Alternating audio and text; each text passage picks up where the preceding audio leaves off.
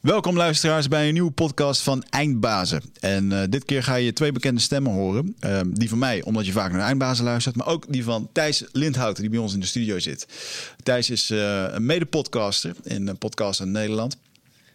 Uh, leuk uh, feitje is dat we ongeveer gelijk zijn begonnen, denk ik, hè, met podcasten. Ja, ik heb dat uh, opgezocht als voorbereiding voor dit gesprek. Ja, oh, je, hebt je, wel, je hebt je wel voorbereid. Ik heb me voor, nou ja, ik zal, ik zal je zo dadelijk verrassen. Ik heb me echt voorbereid. Oké, okay, okay. Maar volgens mij zijn jullie echt een maand eerder. Jullie zijn in februari 2014.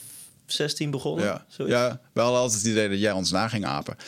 dus uh, dat, dat maandje inderdaad is dat verschil geweest. Nee, uh, alle gekheid op een stokje. Je hebt een super succesvolle podcast. Uh, je hebt de theatertour die je aan het doen bent. Je bent veel aan het spreken over inspiratie, geluk. En, dus ik ben ontzettend blij dat je in de studio bent. Want we zijn al twee jaar bezig om dit te, te, te, regelen op een of andere manier. Om elkaar überhaupt. We zien elkaar vandaag ook pas voor het eerst ja. live. Dus dat is ook ja. grappig. Terwijl we al hele gesprekken hebben gehad over hoe je je, je theaters vol kan krijgen. En dus dat is mooi.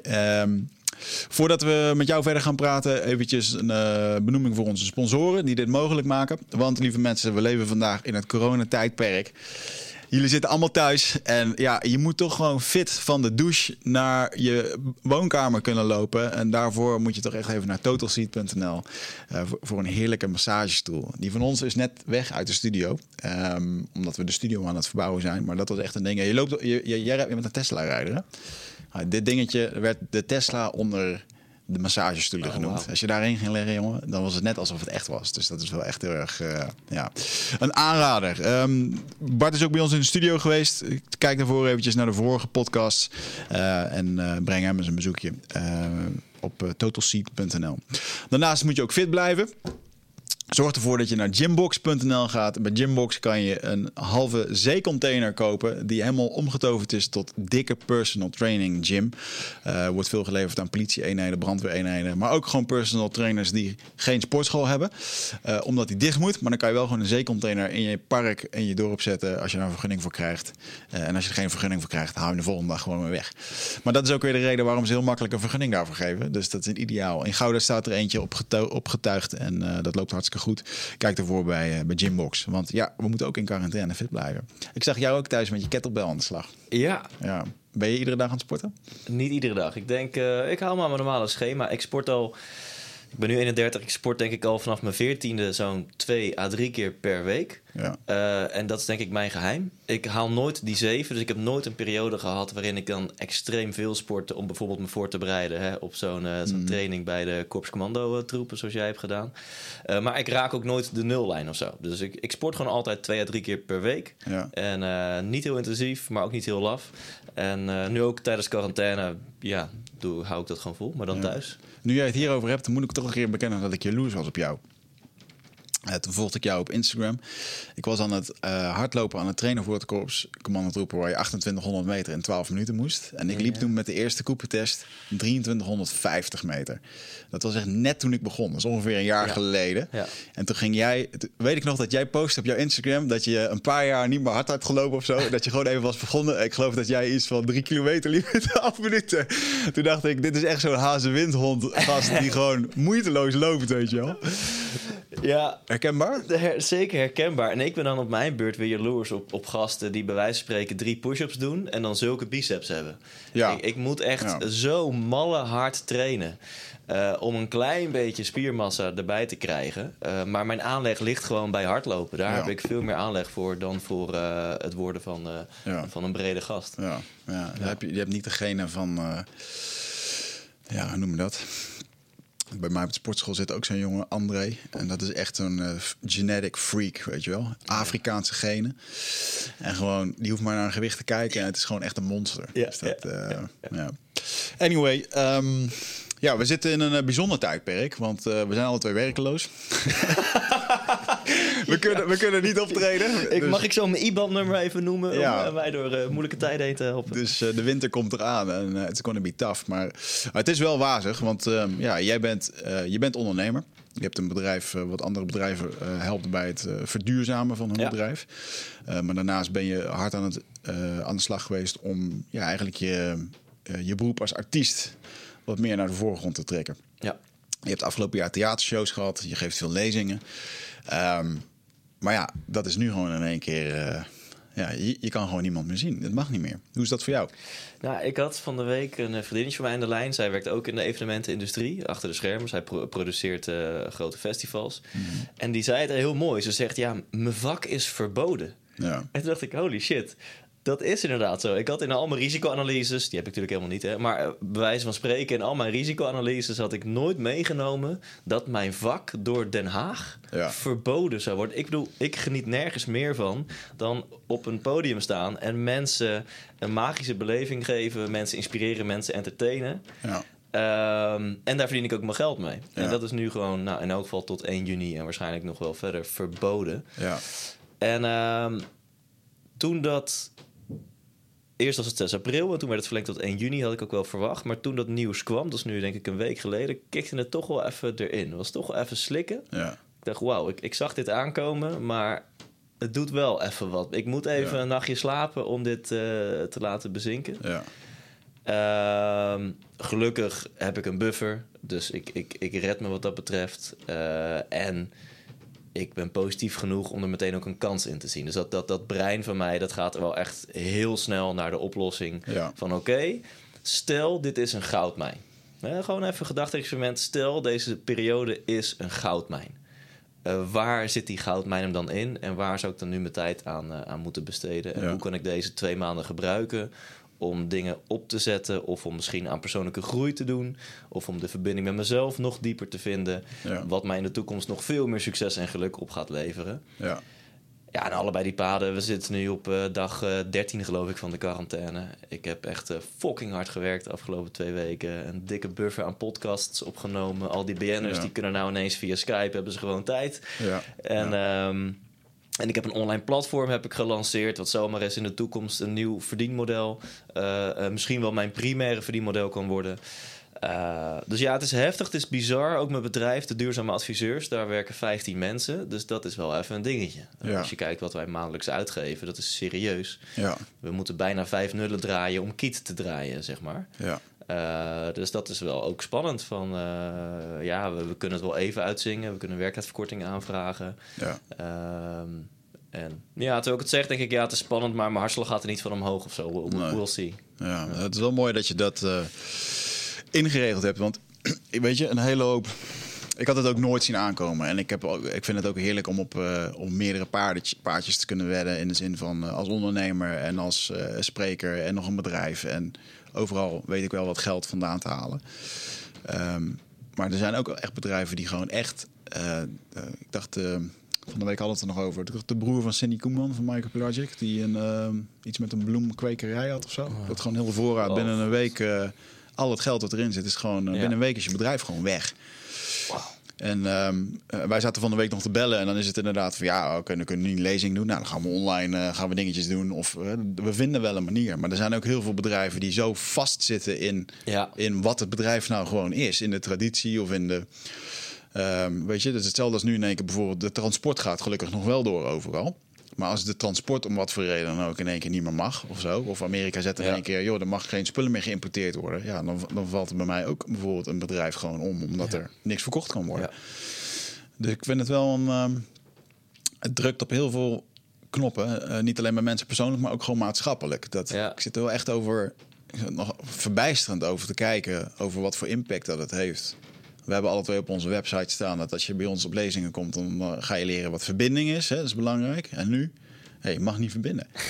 ik, en ik liep twee weken Oh, geleden, eh, was ik zo'n eigenwijze Amsterdammer die met zijn dochtertje naar eh, het Bloesempark in, de, in het Amsterdamse bos ging. Super veel mensen waren daar. Toen, was het nog, toen waren we nog niet in quarantaine, maar eh, volgens mij werd er al wel geroepen van pas een beetje op. En dat mijn dochtertje van twee, die liep daar lekker en die liep naar een ander kindje toe. En het was van een Amerikaans stelletje. En die, die moeder, die, die trok haar dochter echt een soort Oh, van ja. weg van... Ja. nee, die heeft, eh, die heeft aids. Rot op met je Wow. corona-aidsdochter. Wow, weet je wel. Zo, oké, nou ja, prima als je voorzichtig bent. En, eh, maar ik vond het wel heftig. En, nu is het helemaal in de supermarkt. anderhalve meter komen ze bij elkaar in de buurt. Oh, sorry, sorry, weet je wel. Fuck, man. Het is echt een wazige, bizar, wazige tijd. Nou, ik wil ook wel. ehm, het opnemen of zo, of, of ondernemers een hart onder de riem steken die het nu heel zwaar hebben. Want je ziet nu sommige business coaches online zeggen van ja, en dan had je maar een buffer moeten hebben en koop nu mijn online programma en dan ga ik je leren om succesvol te ondernemen. Mhm. En denk ik, ja, dat is wel heel kort door de bocht. Ik bedoel, ik heb het geluk dat ik in een vakgebied zit waar, waarbij ik een paar duizend euro mag factureren voor een uurtje lullen. Ja, Ja. dan is het niet zo moeilijk Nee. om een buffer op te bouwen. Eh, als ik kijk naar bijvoorbeeld het techniekbedrijf, wat ik altijd Nou, dat, dat ligt eraan. Hè? Wat, jou, wat, wat heb je nodig in zes maanden tijd? Dat is een beetje de vraag. Want dit soort uitspraken doe ik regelmatig in de, Ja? in de studio over eh hier of dit of dat. En dan krijg je toch vaak mailtjes van mensen die zeggen van... joh, Wigert eh, en Michael, jullie hebben echt geen idee wat de gemiddelde Nederlander verdient. Nou, dat weet ik heel goed. Als dat rond de 2000 euro ligt, dan is het veel. Dus er zijn heel veel mensen die echt wel een probleem hebben als ze dat geld niet hebben. Want je, hè, die, de huur... Nee, ja, precies. En eh, dus wat ik bedoel te zeggen is, eh, ehm, heel veel ondernemers die de techniek, het techniekbedrijf dat ik altijd inhuur voor mijn show, Mhm. ja, die werken met dagtarieven van, van 250 tot 300 euro. Ja. Eh, die hebben een loods met, eh, met apparatuur, dus voorraadbeheer, eh, heel veel huur. Ja. Dus die hebben gewoon een, een businessmodel met gewoon veel lagere marges. Dat is natuurlijk superveel ZZP'ers, ondernemers, die, die, die voor gewoon lagere tarieven werken, omdat dat in hun branche de tarieven. En natuurlijk, het is, uiteindelijk moet je ook niet, eh, eh, moet je niet in slachtoffergedrag gaan, zitten, gedrag gaan zitten. Maar ik wil echt wel al die mensen hart onder de riem steken van oké, dit zijn tough times en, Ja. en hang in there. Ja. Eh, eh, een beetje als tegengeluid richting sommige business coaches die nu zeggen van eh, ja, had je maar meer buffer moeten hebben. Ja. Of eh, eh, had je het maar moeten doen zoals ik en dan had je ook succes gehad of zo. Ergens denk ik wel dat ze gelijk hebben. Ik bedoel, ehm, ik gaf zelf eh, met Femke Hogema een eh, business tweedaagse. eh Femke Hogema is van Profit First, weet je wel. Oh ja. Waar je letterlijk zegt, oké, alles omzet die binnenkomt, dat betaal je zelf eerst uit. En daar staat ook dat fucking potje bij, weet je Ja. wel. Dus ik heb wel van de week naar de mensen die daar zijn geweest gemaild van jongens, dit is de reden waarom, waarom dat soort dingen wel moeten, Ja. weet je wel. Dus, maar goed, inderdaad, als je het nu niet hebt, dan kun je er weinig aan veranderen. En dan zul je moeten roeien met de riemen die je hebt. Eh, sommige bedrijven zullen geholpen worden, sommige hebben een buffer, sommige, sommige zullen omvallen. En ehm, ja, ik denk dat voor mij is het ook wel een hele waardevolle les hoor. Ik kan gelukkig ook even vooruit, maar ehm, ja, schijnbaar is dat potje dus soms toch wel gewoon nodig. Ja, absoluut. Dus da- daar ben ik het ook helemaal mee eens hoor. Laat, als je nu geen potje hebt, Ja. eh, laat dit alsjeblieft een wake-up call zijn. Dat je die, wat mij betreft, moet je als ondernemer drie tot zes maanden. Moet je minimaal ergens op een spaarrekening hebben staan dat when shit hits the fan. Nou, en shit heeft nu redelijk de fan geraakt. Ja. Dat je drie tot zes maanden door kan met je privékosten en met je zakelijke kosten. Ja, Ik moest van de week ook wel lachen dat, ehm, over hoeveel stress dat het eigenlijk levert bij iedereen. Want ehm, eh, ik heb dat retreat samen met Casper van der Meulen. ehm Avani, daar hadden nu 60 man hadden daar een ticket gekocht. Hadden met een ticketingbedrijf hadden wij gewerkt. En er stond 45.000 euro bij hun op de rekening. Dat moest nog uitgekeerd worden aan ons. En het eerste wat ik dacht bij die tweede persconferentie van shit, ja, we gaan nog langer, geen evenementen, tot 1 juni mag niks. Dacht ik, shit, als er iemand nu geraakt gaat worden, Ja. is het die evenementenbranche. Dus ik dacht, ja, ehm, ik, ik, al mijn risico's was ik aan het afdekken. Dus eh, het enige risico wat ik nog had, was dat ik nog steeds 45.000 euro van mensen op rekening heb staan. En als straks dat bedrijf omvalt, ja, wie wordt er dan op aangekeken? Dan kan ik wel bij naar hun wijzen, maar uiteindelijk zien mensen mij daarvoor aan, weet je wel. Dus eh, ik als een eh, malle eh gemaild naar van jongens, eh, ik wil graag het geld dat nu op de rekening staat uitbetaald hebben. En normaal kan dat binnen vier uur met je accountmanager en zo. En dat lukte maar niet. En ik, en ik, ik zat echt die dag. Oh. Je, dit zal je zien. eh, fuck, iedereen zit er nu te doen. Ze hebben straks geen geld meer. Nou, op, daar gaan we. Zo, met dat soort gedachten gaan we liever ja. rond. En s'avonds werd ik gebeld door een eigenaar. En die vroeg gewoon: eh, hey, eh, ja, ik zie dat jij. Eh, je geld probeert op te eisen. Maar waarom wil je het eigenlijk doen? Want je evenement is nog niet gehouden. Nee, dat klopt. Ik zeg maar, ja, ehm, ik wil het wel graag hebben. Ik wil het gewoon bij mij op de rekening hebben. Ja. En dan blijft iedereen er vanaf, weet je. Ja, ja. Toen- ik, dus ik, ik dat verhaal uitgelegd. Hij zo, oké, ehm, ja, daar zitten we alle twee op de verkeerde lijn te denken. Want eh, bij ons gingen alle alarmbellen af. Want ze hadden dus instructie gekregen van de overheid. Van joh, bedrijven gaan nu dus gewoon hamsteren. Ja. Die gaan dat geld vasthouden. Eh, maar weet dus wel dat er een hele hoop evenementen waar jullie tickets voor hebben verkocht. Die gaan niet meer gegeven worden. Dus wat je nu, nu kan je echt gedonder krijgen met ondernemers die denken: ja, maar ik ga dat geld, het komt al goed, ik bedenk wel wat anders. Dus hè, dat mensen dat geld op de rekening hebben en dan, dan zien mensen dus nooit meer hun geld terug. En dat zij als ticketingbureau aansprakelijk zijn. Ja, zij zeggen dus wij zijn er juist voor, nu voor, voor eh, in, hun, in hun constructie. Hè? wij zijn er nu- juist nu voor dat ehm, eh, juridisch gezien de ticketkoper veilig ja. is. Ja, ja. En ik, kon, ik heb vroeger in die betaalwereld gezeten en ik kon geen stichting derde gelden van hen vinden.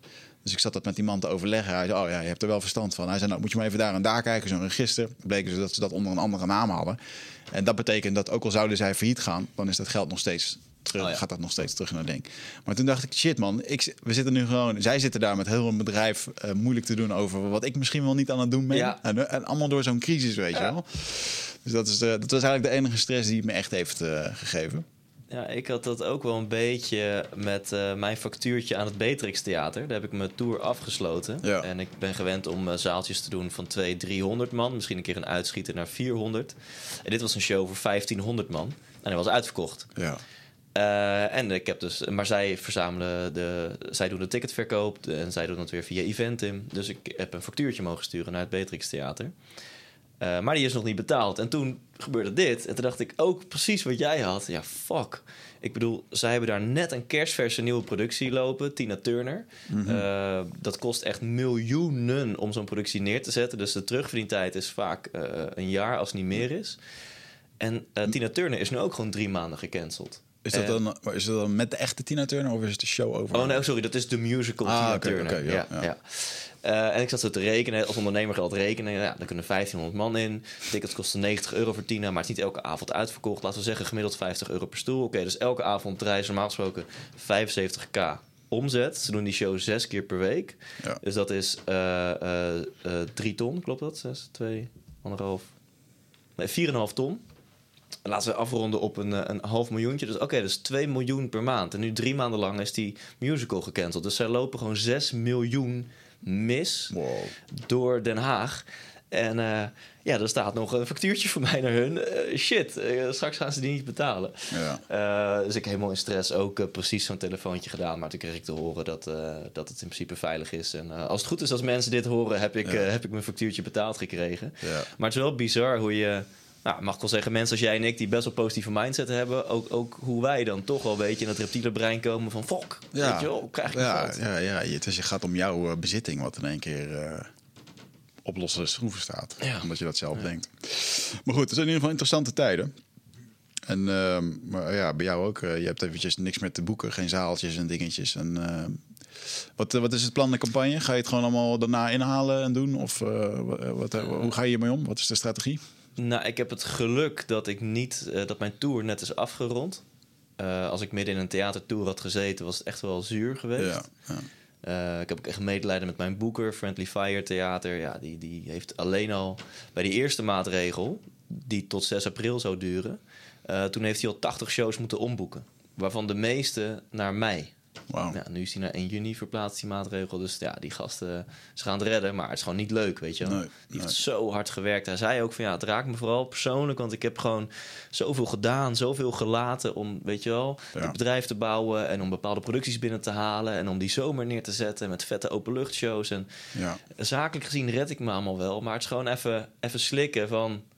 Ik heb zoveel Ja. ja, eh, eh, eh, hè, misschien wel privé op tweede plek gezet voor, voor bepaald succes, omdat ik aan een droom aan het bouwen ben. En dat is nu even voor niks, nou Ja. op de korte termijn. Ehm, maar hoe, hoe ga ik ermee om? Dus me- ik zit niet in een tour. Ik doe gemiddeld 1 à 2 zakelijke boekingen per week. Dat een bedrijf mij inhuurt als spreker.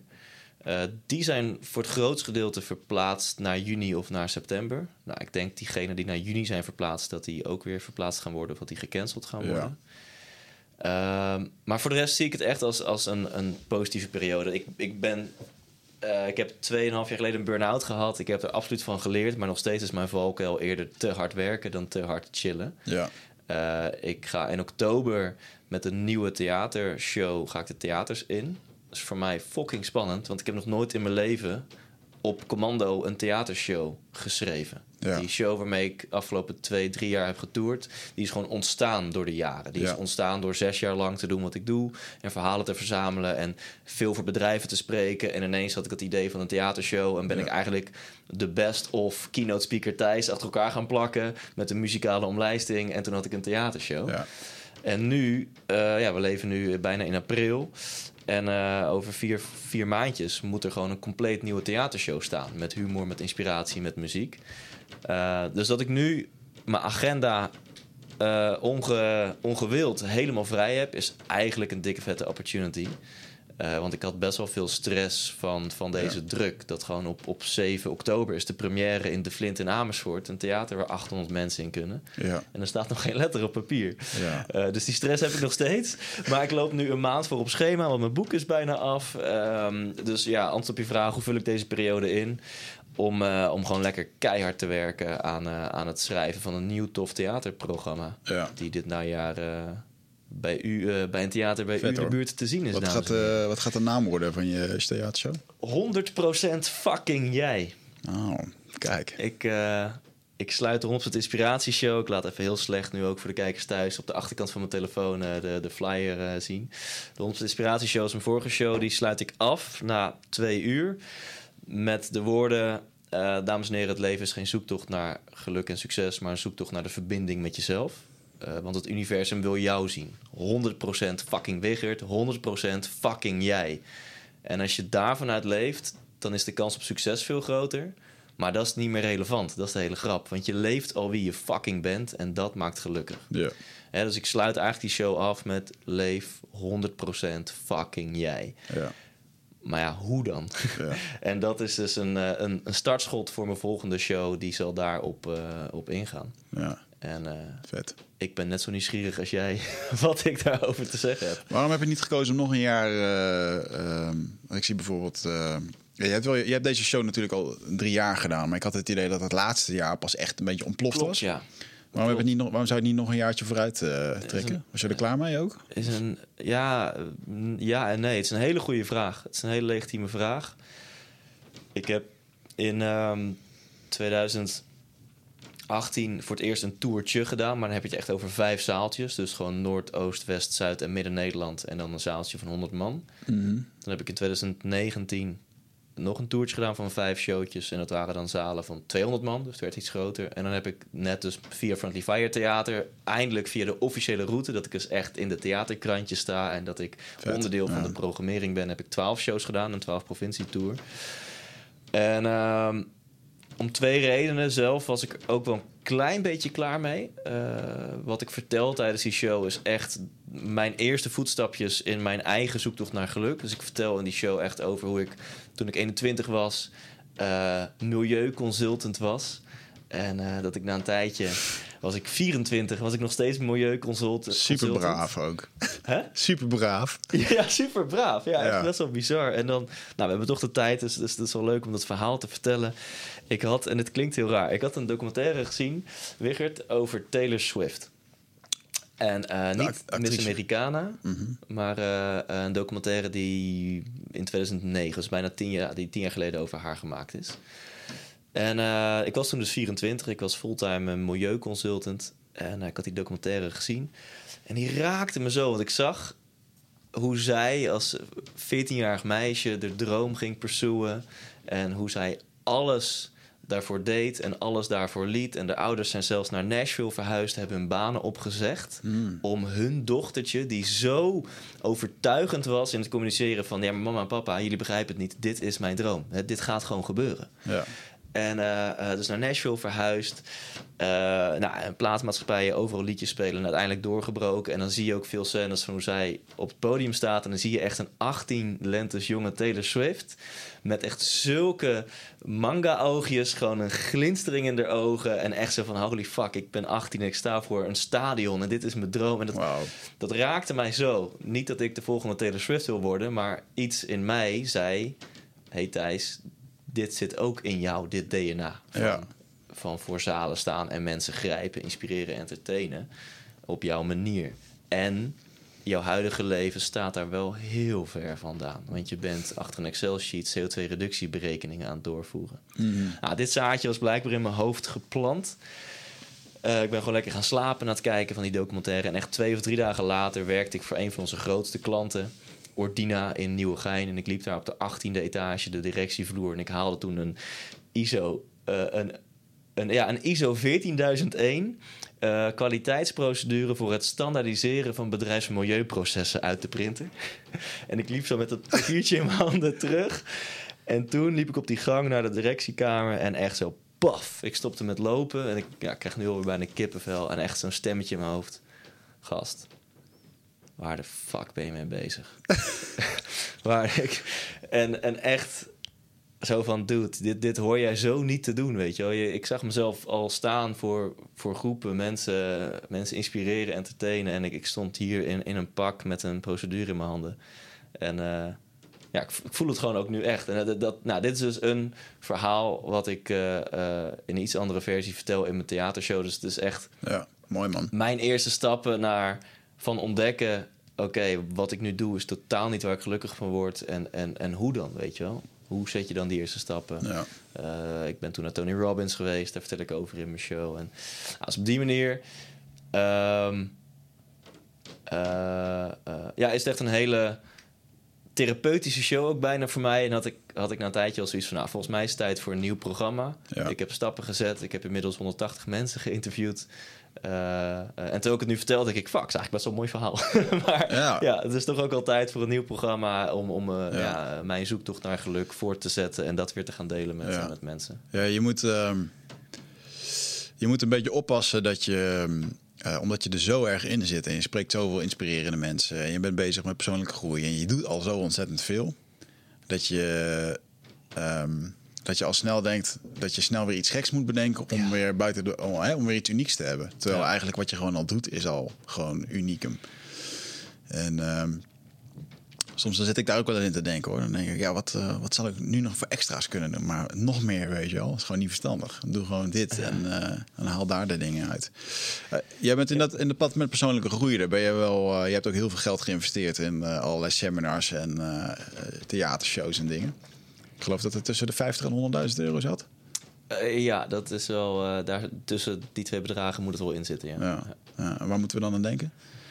Eh, waar ik die euro's aan heb uitgegeven.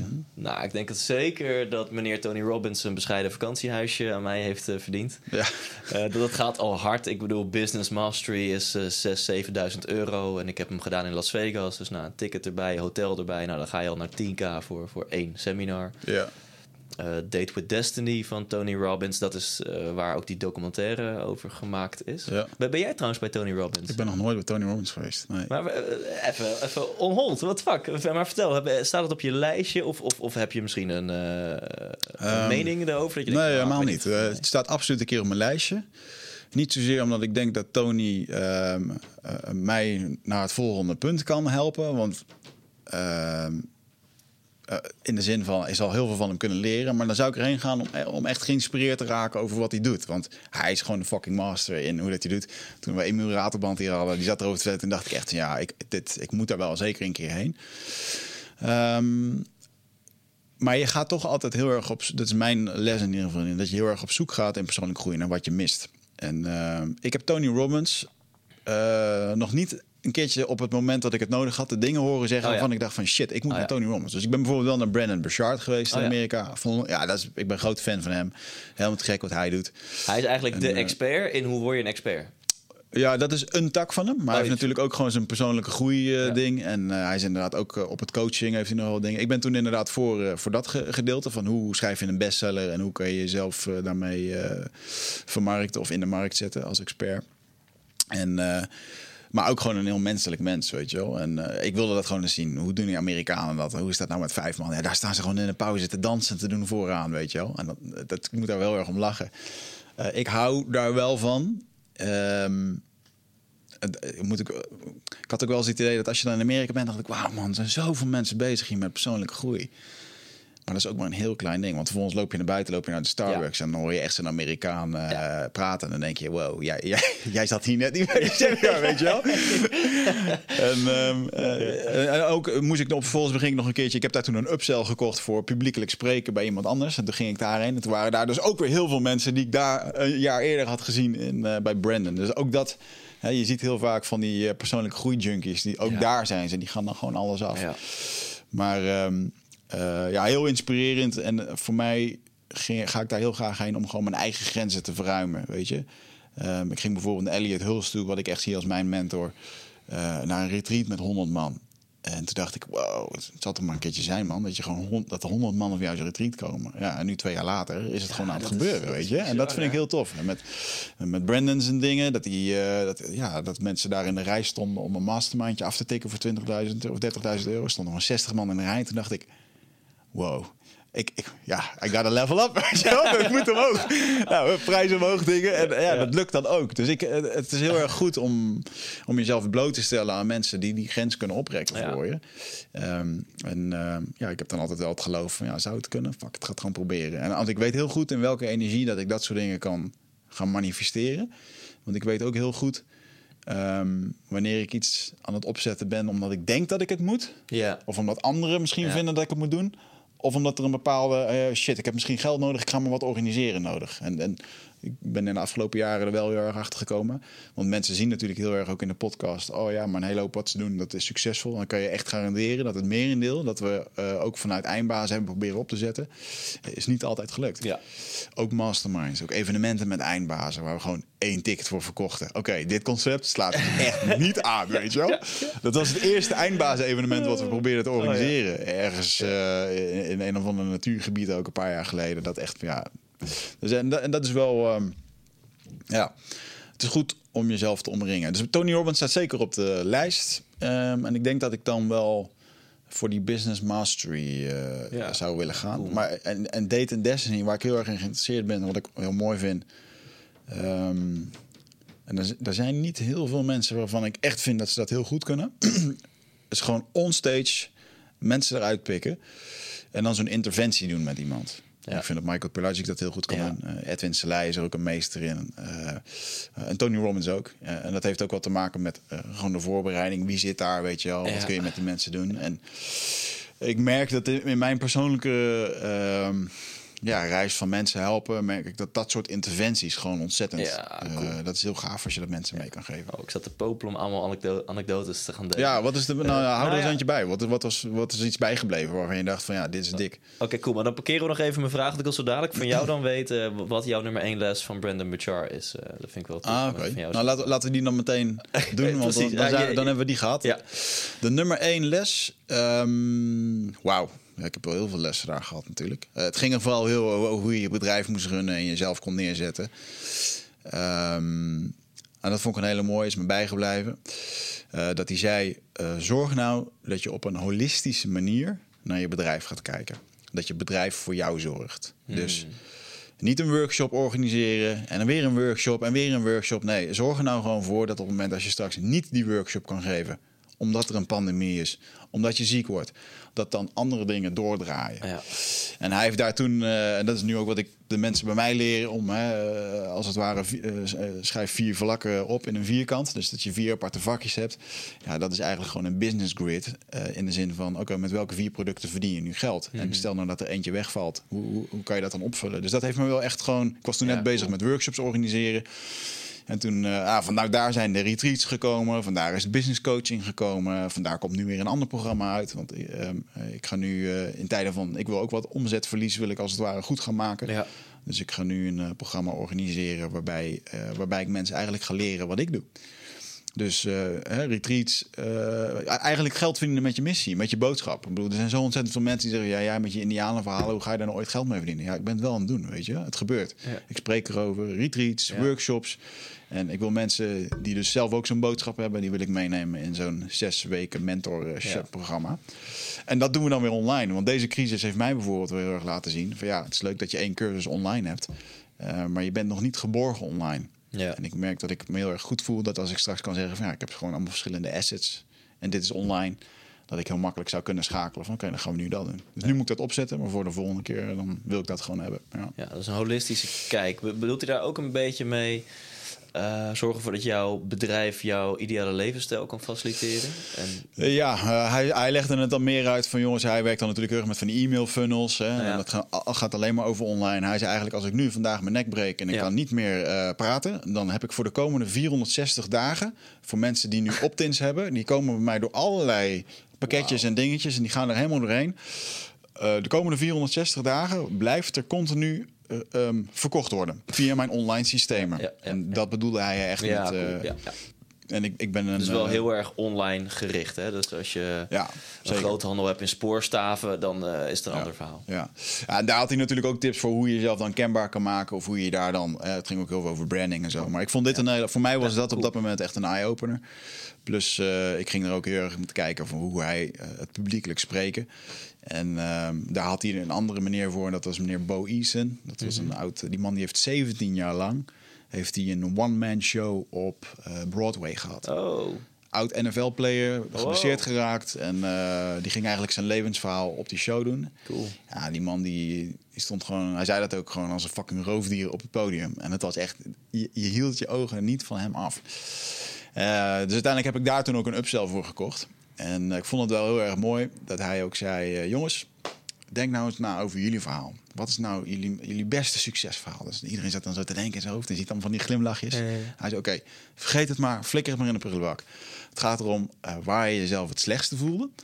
En waar je op een gegeven moment in dat, dat grootste dieptepunt, waar je toch een keertje de beslissing maakte. Nou, dat is net waar jij het net over hebt. Je liep over de gang, je voelde je rot. En je kijkt naar Ja. een papiertje en je denkt: fuck, ik moet iets anders doen. Eh, En dat zijn de kenba- herkenbare momenten. Want dat succes wat je nu allemaal hebt, dat is voor heel veel mensen is dat ver weg. Want dat, dat is gewoon thuis. Maar dat moment dat jij bij het kopieerapparaat stond. En die anekdote, die gaat er straks voor zorgen dat mensen denken, als ze bij dat kopieerapparaat staan met een ISO, nog wat papiertje, dat ze denken, ik moet hier ook weg. Weet je? Ja. En dat is waarmee je mensen inspireert en waarmee je mensen kan binden. Want eh, eh, mensen kijken gewoon ontzettend autobiografisch. Ze luisteren naar je en vervolgens eh, alles wat wij je nu vertellen, dat projecteren ze eerst op hun eigen leven. Ja, Ja. hoe is dat dan voor mij? En daar maakt men vervolgens veranderlijke beslissingen mee. Ja. Ja, ik vind het zo mooi, man. Nee, Ik bedoel, ik wil ook tegen iedereen zeggen... als je de mogelijkheid hebt in tijd en een financiële zin... en anders maak je die maar... bezoek dit soort seminars. Ja. Weet je wel, dit, als ik jou erover hoor vertellen... het leven is zo mooi, het is zo mooi om te groeien... en het is zo mooi om avonturen te beleven. En, en ik heb zoveel moois te danken. Zowel in het moment, gewoon een hele mooie tijd... maar ook mooie lessen Ja. aan, aan het bezoeken van events... over persoonlijke groei, over zakelijk succes. Mooie mensen ontmoet. Ja. En... eh, En, en laten we wel wezen, ik ben, ik, mijn vriendin die zei vaak... eh eh, Wigert, wat denk je nou nog meer te gaan leren daar? ja. Weet je, een beetje in het motto zo van, eh, ga je nu weer Aha. iets doen? En, en ik denk ook wel, eh, ik denk dat ik ook, ik heb ook wel die neiging gehad en misschien in sommige dingen nog steeds, dat ik nog niet goed genoeg ben, dat ik graag nog wat extra informatie Ja. zou willen om. Maar uiteindelijk heeft het me toch altijd één of twee, drie dingen opgeleverd, waardoor ik dat er a eh dubbel en dwars weer uitverdiende, of dat het op een andere manier terugkwam. En ik ben me terdege van bewust dat er ook heel veel mensen naar dit soort seminars gaan als een soort van verdoving drie dagen eh, gehyped naar buiten lopen. En dat Ja. zie je heel vaak met Date ja, Destiny. ja, en en eh. Robert, eh, eh, mijn vriend en hoofd van Quality Bookings, directeur. Die zegt ook als Tony Robbins in Londen is geweest... dan heb ik daarna twintig aanmeldingen van mensen die zeggen... ja, ik wil ook graag op dat podium. Het lijkt me heel leuk om ook op dat podium te staan. En weet je, dus dat is wel een soort van... Ja. Eh, ook, ook daarin zit denk ik het 80-20 principe. Dat eh 20% misschien zelfs minder die daar zit. Die gaat Ja. er ook echt wat mee doen. En, eh, ja. Nou ja, hierover gesproken, en dan kan ik ook zeker wat over Tony vertellen. Maar ik, ik snap dat, dat, dat Marieke dat soms tegen jou zegt: hè, van hey, wat verwacht je daar nog te gaan leren? En ook bij mezelf denk ik, waar voor mij nu de grootste groei zit, is meer op het spirituele stuk. Eh, mij weer naar een seminar gooien, bij wijze van spreken, met een vijf-stappenplan naar geluk of een vijf-stappenplan naar zakelijk succes. Gaat me niet zo heel veel brengen. Eh, waar ik veel meer van ga leren is een keer drie dagen mijn bek houden. Eh, of de Vipassana, heb je vast ook eh, veel Ja. mensen over gehoord. Hè? Een stilte Trekt me helemaal niet trouwens. of, nou ja, en ik dan die lul van een Klaassen, die eh, bedoel ik met liefde natuurlijk, die wij allebei in onze podcast Oh, hebben Remco, gehad. De ja, Remco Remco, Klaassen, ja. ja, die zegt dan heel mooi, dingen die het verste van je afstaan, daar zit in potentie de meeste groei. Ja. En ik voel gewoon, als we het hebben over een Vipassana, een tiendaagse stilte-retreat, Ja. Waarbij je dus echt tien dagen lang naar de grond kijkt, niemand aankijkt, je hebt geen telefoon, je hebt niet eens een notitieblokje, dus je mag niet lezen, maar je mag ook niet eens schrijven. En tien dagen lang sober leven en zes tot tien uur per dag mediteren. Ja, mijn hele fucking lichaam protesteert. Ik voel gewoon echt een angst van hier tot Tokio. Mhm. En daardoor voel ik van ja, waarom voel je die angst? Omdat dit jou heel fucking veel gaat brengen, dude. Ja. Die is het voor jou zoveel meer. Ja, of zit er ook een component in dat het, dat het je gewoon niet trekt en dat je denkt dat het niet voor jou is? bijvoorbeeld, ik heb met Vipa- Vipassana heb ik nog nooit het idee gehad dat ik dat graag zou willen doen. Oh, Ehm, ik zal er heus wel wat lessen uithalen.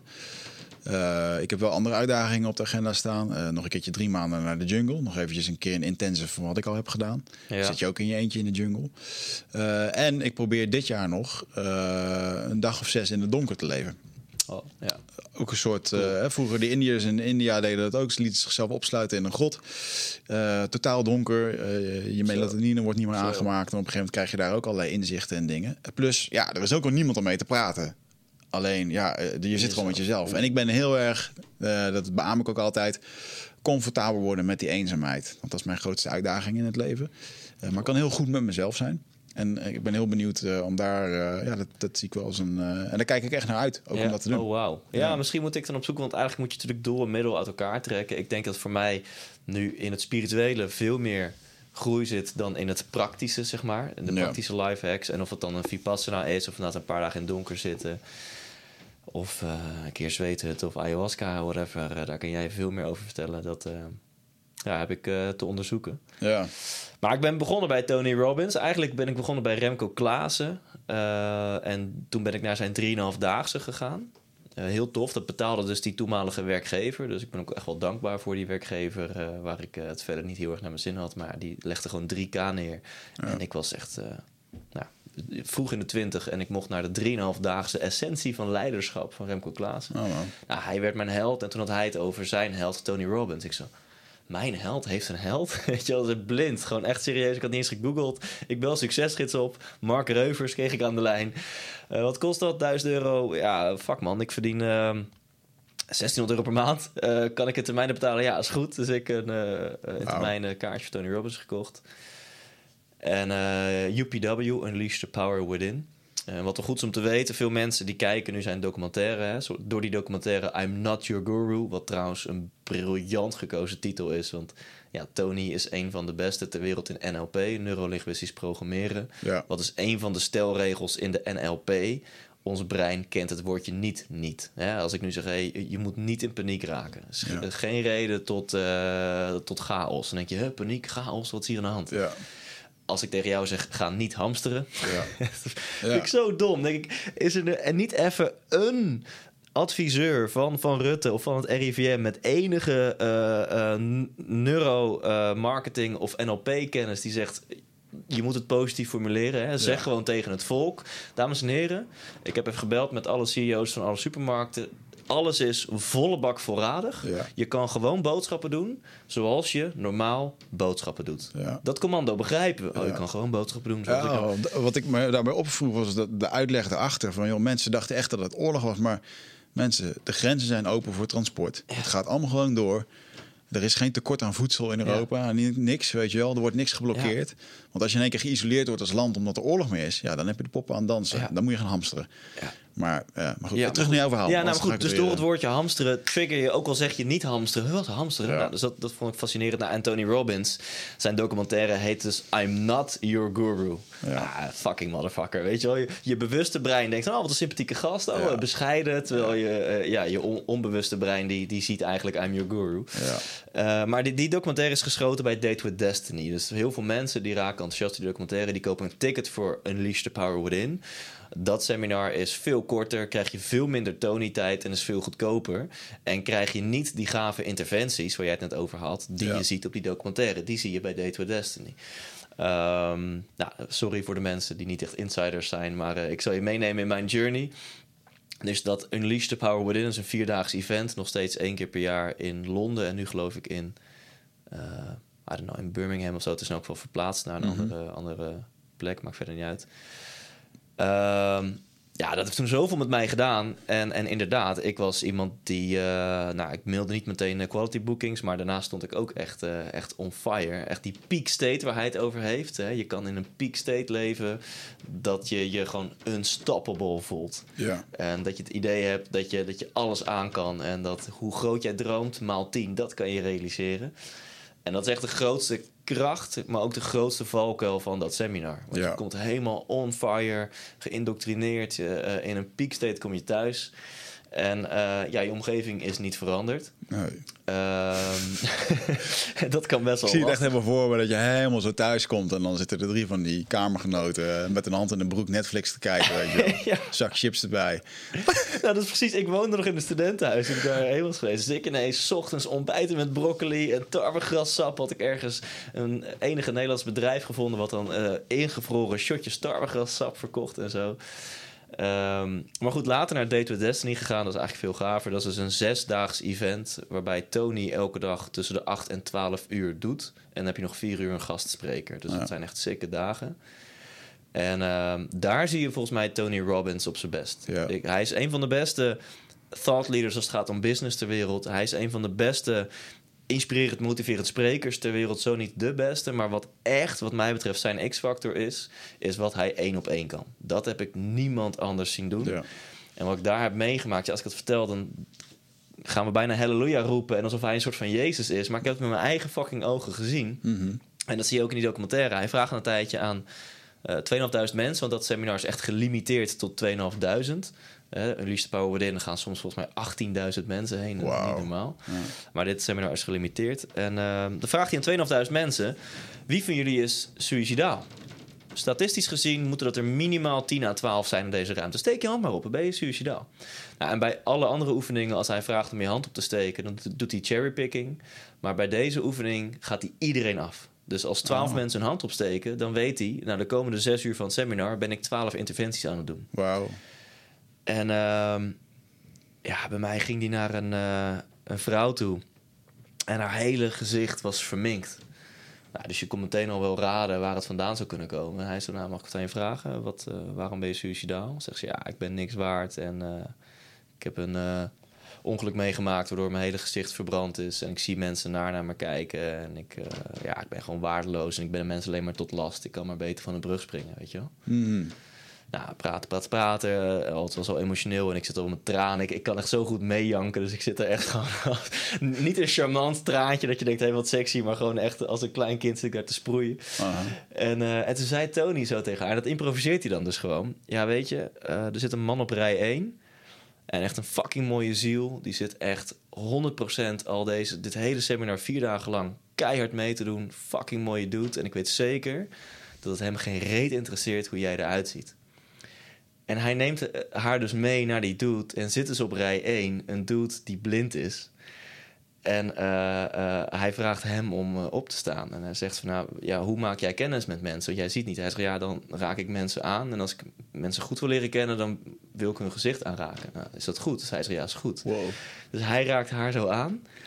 En Tony zegt zo tegen hem, ja, wat, wat zie je? Wat voor mens staat er tegenover je? En hij zegt echt zo, ah, ik voel een heel lief persoon. Iemand die echt zo zorgzaam is, die zoveel heeft te bieden.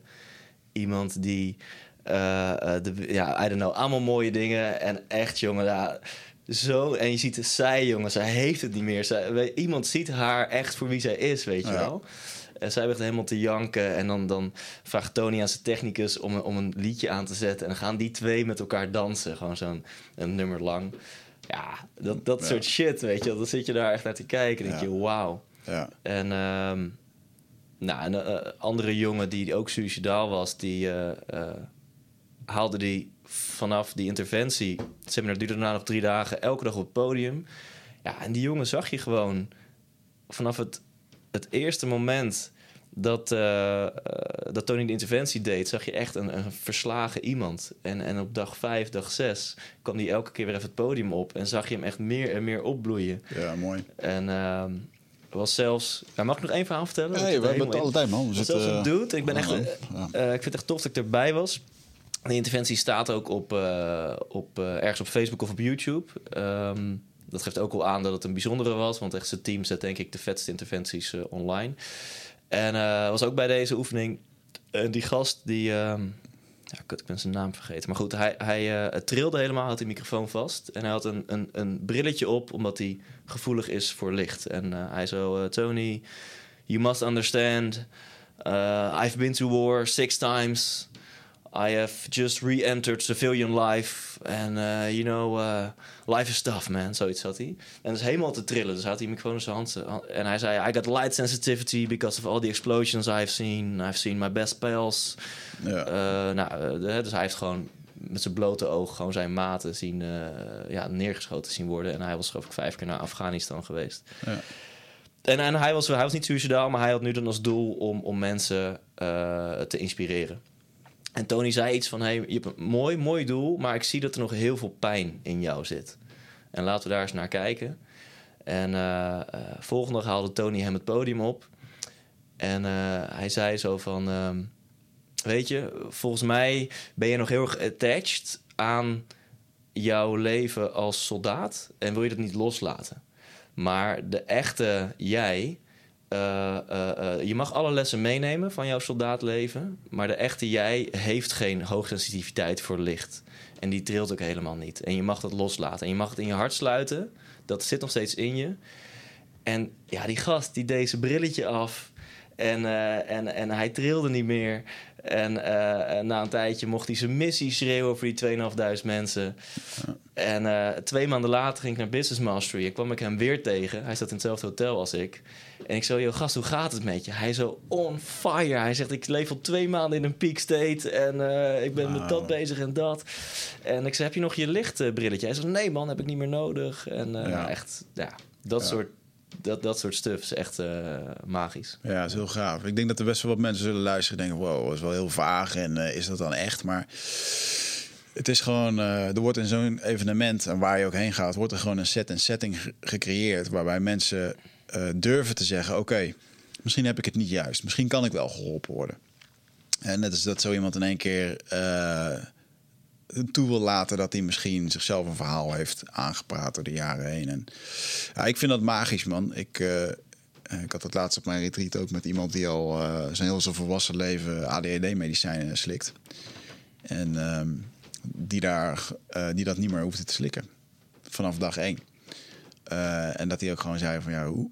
Hij zegt, ik snap nu gewoon dat ik met allerlei ideeën en problemen bij een psycholoog kwam die dat dan voor me beschreef. En die dan een soort van beschreef van ja, je hebt gewoon ADHD. En ja, hij, hij zag echt in dat hij dat verhaal gewoon zelf ter plekke is gaan geloven. En daarom in één keer afhankelijkheid creëerde van die medicijnen. Ja. En um, uh, is dat niks voor jou theatershows om hier? Zou, zou je dat aandurven? Zou je zelf van dit soort interventies durven? Voel je je daar capabel voor? Het eerste wat ik denk is, ik, ik weet niet of ik dat kan. Dat zou een beperkende overtuiging kunnen zijn. Mm -hmm. uh, tot nu toe is mijn ervaring wel dat het niet mijn ding is. Dus dat ik het. Uh, ik ben dus ook bewust geen coach.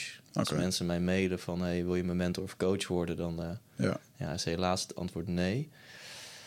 Uh, nee, in deze fase van de wedstrijd, dus in deze fase van mijn leven, is het niet mijn ding. Ja. ja.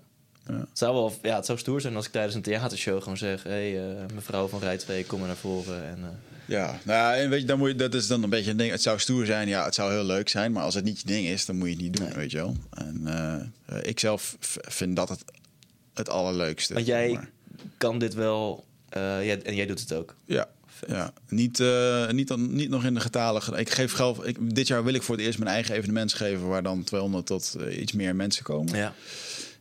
Um, maar tijdens mijn retreats doe ik het zeker. Uh, maar ja, dan komen mensen er ook voor. En uh, ja, daar komen wel hele gave dingen uit, ja. En, en ik merk ook gewoon dat op het moment als ik dan op het podium sta, dan, uh, ja, dan is de energie ook gewoon ja, anders. Ja. Dan kan ik mensen zien, lezen op een andere manier. En uh, dan hoor ik mensen praten. En dan is het natuurlijk ook gewoon mijn rol om daar anders naar te kijken. Ja. En om dan even een andere, andere perceptie erin te planten. Dat, dat lukt wel, ja. Um, en dat heb ik ook al moeten ontwikkelen hoor. Dat, dat de eerste, eerste workshop voor mij merkte ik nog dat het echt heel veel, uh, vooral zoveel mogelijk oefeningen, zodat ze maar een ervaring hadden. Oh ja. En uh, ja. hopen de, eh, veel overdeliveren. En nu juist steeds minder en steeds dieper. En ja, zo, ik ga er wel op aan. Ja, ik vind dat wel leuk. D dat is uiteindelijk ook wat echt levens verandert bij, bij mensen. Um, en ik denk wel dat ik. Maar ik haal ook heel veel genoeg uit. Van bijvoorbeeld als ik mijn lezingen geef, dat doe ik eigenlijk dat zeg ik ook altijd, doe ik het allerliefst. Ga ik gewoon een uur ergens naartoe. Geef ik maximaal 100% eh, inspiratie. eh, doe ik mijn lezing en daarna ga ik lekker naar huis. En dan hoef ik ook niet per se met Ja. iedereen aan te praten en te doen. En dan, Ja, ja. eh, Maar als je dan mag kiezen, hè, dus eh Wigert 1 op 100 plus en entertainen, inspireren, een lezing. mhm. Of, of, of eh, bij een retreat 1 op 10, 1 op 20 en, en echt een interventie Ja. met iemand doen. En Nee, dan is het de lezingen. Ja. Oké, wel de lezing. Ja, zeker. Alleen ik vind het, ik doe, geef die retreats ook niet heel veel. Die zijn dan één, twee of eh, drie keer per jaar. Ja. dat dan, Eh, omdat ik gewoon heel veel merk dat als mensen er klaar voor zijn en ze willen een diepe werk met me opzoeken, hey, kom lekker naar mijn retreat, kan ik je verder helpen. En, en dat is dan de manier om dat te doen. Dan heb ik ook mensen die gemotiveerd zijn, die dat willen. En ja. Ehm, maar en nogmaals, een, eh, Michael Pilarczyk vind ik ook heel bijzonder. Hè? Dat hij gewoon, die heeft ook 500 man, of soms wel meer zelfs, 1000 man. En die doet net als Tony eh, van tevoren een, eh, een vragenformulier vaak wat je in kan vullen met problemen. En eh, ik weet ook van Michael dat hij het liefst eigenlijk de, de worst cases eruit pakt. En, niet de mensen die eigenlijk een aai over hun bol willen hebben. En, Ja. Maar gewoon echt mensen die echt een probleem hebben. Ehm, ja, omdat, en dat is dan ook gewoon de persoonlijke uitdaging voor hem. Ik vond dat Tony dat ook heel vet deed in zijn in die voorbereiding van I'm Not. Of Ja. tenminste in die documentaire zie je dat ja. ook gewoon. Dat, die, dat ze door die mensen heen zitten. En dat hij gewoon zegt ja, maar dit, deze niet. Deze, weet je. Goed, er zit gewoon zijn eigen uitdaging in. En, eh, Ja. ja, en het is ook wel eens voorgekomen dat ik gewoon eh, dat je op dat moment eh, dat iemand gewoon even niet het antwoord krijgt, weet je. Ehm, ja, dat mag dan ook wel. Ehm, waar waren we gebleven? ja. ik, ik, ik was Ik had, eh, eh, anekdotes aan het delen over, Ja. eh, over Tony Robbins. En, Nou, je hebt in ieder geval een goed promoplaatje gegeven. Voor Tony? Ja, zeker. Ja. Oké, cool. Ja, ja, nou ja. eh, ehm, en volgens mij, kijk, hij is net 60 geworden. ja. Dat grote seminar doet hij steeds minder. Toen ik dat in eh, 2011 voor het eerst bezocht, toen deed hij nog van de vier dagen, deed hij er tweeënhalve dag zelf. En nu is daar nog maar anderhalve dag van over. ja. Dus je krijgt meer Joseph McClendon, een andere dude, die trouwens ook geniaal is. Maar goed, er is echt maar één Tony. Dus je krijgt Ja. meer iemand anders dan Tony. ja. Eh, en David Destiny doet niet heel veel het groot zelf. Maar de, als je Tony nog een keer wil zien, dan zou ik eh, zo snel mogelijk gaan. ja. Want eh, ja, hij wordt ook niet jonger. eh. Ja, ik denk heel eerlijk gezegd dat ik uiteindelijk zou ik misschien nog wel eens een keertje een jaar in zijn mastermind willen zitten. Weet je wel? Platinum member. Ja. Nou ja, Is dat 60.000 euro per jaar of zo? nou, ja, ja, minimaal. Je moet eigenlijk rekenen op een ton. Oké. Want ehm, Is dat nu nog wat veel, maar die, voor, ik, ik, weet je, ik ben nu... er zijn ik ben- maanden dat je het niet verdient. Het, het, is, het is ook grappig dat je, je, hoe je hier aan. Want eh, toen ik bij die Brandon Bouchard was, eh, organiseerde ik zelf masterminds hier. En dan was dat voor 3.000 tot 4.000 euro. Dat vond best wel pittig, weet je wel. En eh, voor de mensen, om dat dan te vragen. En vervolgens had hij daar een mastermind aanbieding voor 30.000 dollar. Was dan nu 20 omdat we daar waren. Kon je binnen 20 minuten inschrijven. Stond gewoon een rij van 60 man stond erin te schrijven. En toen dacht ik echt, fuck. Maar toen dacht ik wel, ja, maar als ik straks mijn boek in Amerika wil uitbrengen... Hij zei letterlijk op het podium, hij zegt... jongens, iedereen die hier een e-book heeft en in pdf... daar kan ik een New York Times bestseller van maken. Het maakt niet uit of het slecht is of niet, weet je wel. En toen dacht ik, ja, als je dus uiteindelijk straks zoiets wil... dan, dan is het dus schijnbaar goed om in dat netwerk te komen. Want er zitten straks allemaal mensen die 30.000 euro hebben betaald... die allemaal hetzelfde doel hebben... En als je 30.000 euro betaalt, ja, dan is het toch weer een ander niveau dan dat het 2000 Ja. betaalt. En, en, en ja, en ik, ik ben ervan overtuigd dat als je dat ook goed inzet, dat dat zich uiteindelijk weer terug gaat betalen. Ja, ik word, alleen ik ben heel benieuwd of jij dat ook hebt. Ik zit zo vuistdiep in dit wereldje. En ik volg ook heel veel van dit soort mensen. En anders dan zorgen de cookies er wel voor dat je in je timeline allemaal van dit soort advertenties krijgt. Ik, en ik word er soms ook een beetje moe van. Dan komt weer een of andere Tim McGrath in mijn Instagram timeline. Spreker En is dat, hè? How I made six figures doing seminars. Do you want to... En dan... Ja, ik weet niet. Het is de, de, de oppervlakkigheid ehm, en de... De, ja, de fakeheid of zo, Ja. die straalt er soms van af. En dus, dus dat ergens mijn spirituele kant, denk ik dan, Mhm. Eh, die, die, die gaat af van ja, dit is. De, de, ehm, ja, ik weet niet, ik kom niet zo goed uit mijn woorden, maar, maar ik, ik begin Ah. me ook soms een beetje te ergeren. Ik weet niet of het, of het per se de spirituele kant is. Het kan ook gewoon zijn dat iemand, dat, eh, dat iemand gewoon, het, eh, bij wijze van spreken, het gezicht heeft waar jij niet op aangaat. ik heb met, die- met die Tim, ik weet precies wat hij doet, want ik zie hem ook vaak. Hij heeft hele goede marketing. Maar er is nog geen cel in mijn lichaam die denkt dat ik een keer iets bij hem ga afnemen. Ja. Snap je?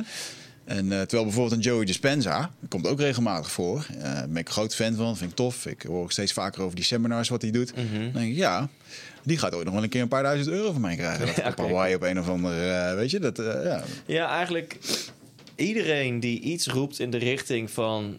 Yo, kijk eens hoe succesvol ik ben. Mm En doe wat ik doe. Of volg deze vijf stappen en dan gaat jou dat ook lukken. Ja, daar, daar, ben ik gewoon een beetje allergisch voor. Mhm. Omdat, uh, nou, dan openen we nu misschien een heel nieuw gedeelte van dit gesprek. Uh, ik ben geen geluksexpert, wel geluksonderzoeker. En 50 procent, hoe, hoe, hoe worden we gelukkig, willen we allemaal weten. Hoe worden we succesvol, willen we allemaal weten.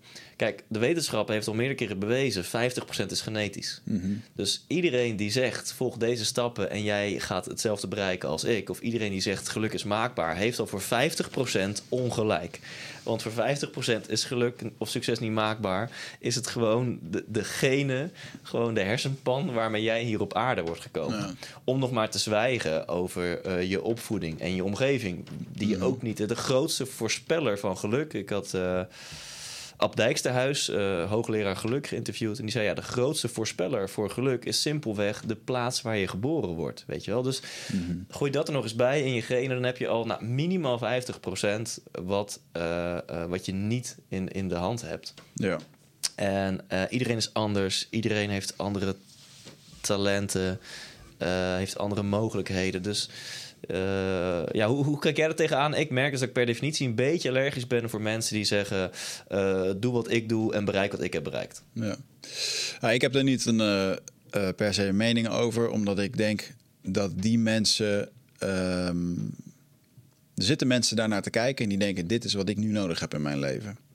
En het feit dat ze dat dan vervolgens dan doen, is hun weg. En dat ze er dan achter komen dat het ze niet die 100.000 euro oplevert, of misschien zelfs wel dat is dan weer, dat is, dat is hun weg daarin. Dus ja. dat is hun spirituele groei ook. Ja. Dus ik, en, en ook het, uh, uh, ik ben het deels eens dat je fysiek geboren wordt met een pakket waar je het mee moet doen. Ik ben ook van mening dat je je eigen genetica kan aanpassen uh, door op een bepaalde manier te gaan leven. En dat is, dat is de moeilijke manier en de, de long way. En ik denk dat dat ook het pad van spiritualiteit is. Dus ik denk dat wij het contact met onszelf en met de natuur op zo'n danige manier kwijt zijn. Ja. Dat als je uh, nou, bijvoorbeeld wat ik bij de Indianen heb gedaan, dat is letterlijk een ritueel om jezelf te herprogrammeren. Ja. Uh, ik open daar nu ook mijn lezingen mee. Dan, dan, vraag ik aan mensen van jongens, als ik een van jullie vermoord, wat gebeurt er dan? Ja, dan ga ik naar de gevangenis. Oké, okay. als je nou mag kiezen, zou je mij dan straffen of zou je mij dan genezen? Je zit te kijken. Ja, dat stuk genezen, dat is dus wat in die jungle gebeurt. Daar is geen gevangenis. Ja. En dan, dat betekent dus dat je maandenlang, soms zelfs jarenlang aan jezelf moet gaan werken om jezelf te herprogrammeren. En ik denk dat dat, uh, dat, dat kan. Nou, ik geloof hier ook heilig in. Dus laten we dat alsjeblieft voorop stellen. En je zegt, je, uh, je bent het voor een deel mee eens. Je wordt inderdaad met een bepaald pakket geboren. Daar moet je het mee doen. Uh, en dat kan je aanpassen. ben ik ook met je eens. Aan de andere kant kun je dan ook denken... ja, maar dat, dat aanpassen... dat vergt een onwijze mate van discipline, een onwijze mate van zelfreflectie, een onwijze mate van wil en drive. Mhm. Ja, zijn dat ook niet eigenschappen die er wel of niet in zitten als jij geboren wordt? Ja, zeker weten. Ik denk dat uh, de eerste hoofdstukken van je eigen leven. Uh, er zijn twee dingen die je niet kan bepalen in je leven bij het schrijven van je eigen verhaal. Dat zijn de eerste hoofdstuk en het laatste hoofdstuk. Het laatste is waar en hoe dat je doodgaat. En de eerste is uh, hoe dat het begint. Waar je wordt geboren, uh, met wie je in je omgeving zit. En inderdaad, als, als kind heb je het gewoon niet te kiezen. En in, als je in Afrika wordt geboren of in Ethiopië, ja, dan heb je een, een tough life. Ja. Dan ga je niet op. dan, moet je, dan moet het heel bijzonder lopen. Dan wil jij de nieuwe Oprah Winfrey worden. Ja. Dus daar ben ik me terdege van bewust. Ik denk ook dat dat uh, de extreme gevallen zijn. Uh, want we leven natuurlijk gewoon hier in Europa, is best wel veel mogelijk. Uh, maar ik zie ook wel dat. Ja, Paul Smit zegt het altijd heel mooi. Ja, uh, niet iedereen kan succesvol zijn, want niet iedereen ziet er even goed uit. Niet iedereen heeft uh, een witte prodent lach, uh, zoals jij, die, jij en ik die hebben. sommige mensen hebben meer haar op hun hoofd dan ik heb. Ik ja. kaal, dus ja, ik heb al grijs. succes te danken aan mijn looks. Laten we daar gewoon eerlijk over maar het, het, je kunt erover zeggen wat je wil. Het draagt wel bij. Had jij drie benen gehad en één tand en, mm -hmm. en drie oren, dan was het waarschijnlijk ja. niet gelukt. Snap je? En eh, dat was een hele raar. Ik zie het ook helemaal voor Ja, ja, ja. dat zo. Je, je, je had een beter voorbeeld kunnen noemen, Wiggert, maar we, we snappen hem. Nee, maar weet je, en dat, eh, ja, eh, ehm, bij, dat is natuurlijk dan dat primitieve wat in ons zit. Ehm, ja, ik Ja, denk, ja, ik denk toch dat er een hele- Maar ik denk inderdaad een stukje, als we het hebben over wilskracht, over discipline. ehm, het zal er voor een groot deel in zitten. Het zal er voor een groot deel in gegoten worden door wat je ouders en je omgeving doet. En het zal er voor een groot deel mee te maken hebben met hoe graag dat je iets wil. Hè, hoe graag wil je veranderen? Hoe graag wil je uit een bepaalde... Ja. Kijk naar Tony en zijn, eh, zijn, zijn, eh, zijn alcoholistische moeder. Dat is eigenlijk de reden geweest Ja. waarom hij dit nu heeft. Ja. Mijn bewijsdrang voor erkenning Ja. en dingen succesvol maken... komt omdat ik geen vader had die, eh, die daar ooit een keertje voor zei van... hey, goed gedaan. Snap je? Dus ik Ja. ben met, maar dat heeft inderdaad die zelfreflectie nodig. En daar kwam ik eigenlijk pas achter toen ik eh, eh, 32 was en een burn-out kreeg. Ja, Ja, weet dat je? hebben we nodig. We hebben, een Ja. pandemie of een burn-out of wat dan ook nodig. Ja. Ziekte. Ja, en weet je, uiteindelijk ehm, eh, eh, kan je heel lang over filosoferen. En dan krijg je bijna inderdaad een non-dualistische discussie. Dan kan je met Paul Smit kan je Mhm. daar heerlijk het, het over hebben. Eh, en uiteindelijk moet je het ook gewoon naar het parkeren. Van oké, je hebt een bepaald pakketje wel of niet. Je wordt op een bepaalde plek geboren. Je hebt een bepaalde imprint vanuit je ouders. Dat heb je allemaal niet gekozen. Ja. Uh, dus ik vind het wel een soort van belangrijke disclaimer, vaak om te noemen. Aan de andere kant moeten we dat ook gewoon lekker naast ons neerleggen. En gewoon zeggen, oké, maar die andere 50%, laten we die nou eens voor de 100% benutten. Ja. Dan is het denk ik aan mensen als jij en ik, om mensen zoveel mogelijk te inspireren. Ja. Om die andere 50% zoveel mogelijk te gaan uh, benutten. Ja, eh, eh, en toch ben ik van, van mening dat ehm, mensen maken hele domme beslissingen. Mensen maken hele slimme beslissingen. Eh, hè, die groep is even groot. Eh, maar welke beslissing je ook maakt in je leven en op welk punt je ook bent en hoe je omgaat met bepaalde dingen, of je nou volledig in de slachtofferrol zit en, en iedereen de schuld geeft, geen zelf, geen zelf eh, acceptatie hebt of, of verantwoording, of je bent echt gewoon je shit aan het doen. Ehm, ben ik toch van mening dat iedereen maakt de beslissingen in zijn leven met, het, met de intelligentie die hij op dat moment heeft. Ja. Ehm, zijn emoties, zijn angsten, zijn Ja. bewustwording. Eh, dat hele pakketje bij elkaar zorgt ervoor dat iemand een beslissing maakt. Dat zorgt er ook voor dat iemand dronken gaat rijden en per ongeluk iemand doodrijdt. Ja. Dat zorgt er ook voor dat iemand iets ergens doet bij iemand anders. Want op dat moment, in dat wereldje, in dat koppie, wordt het allemaal gerechtvaardigd. En, en, en daarom ben ik wel heel erg van mening... Ja, je- mensen maken beslissingen, maar ze doen het omdat ze op dat moment denken dat het het beste is. ja. En dat is soms heel erg lastig te begrijpen. Maar ik zeg deze metafoor vaak tegen mensen die, die bijvoorbeeld in mijn retreat zitten en die boos zijn. Die boos zijn op hun ouders, boos zijn op hun broer, boos zijn op degene die ze heeft misbruikt of wat dan ook. Ehm, eh, en dat is een harde noot om te kraken. Eh, maar het kan heel veel verlichting geven in de zin van... eh, ehm, ja, waarom is het nu nog niet zoals dat je wil? Of waarom zijn bepaalde dingen gebeurd? Ja, dat is wel gewoon de weg in heel veel dingen. Ja, het is bizar hoe nou, misschien wel ons volledige leven wordt bepaald door de labels die wij op dingen plakken. Hè, deze Ja. pandemie zit daar een label in van zie je wel, heb ik weer of Ja.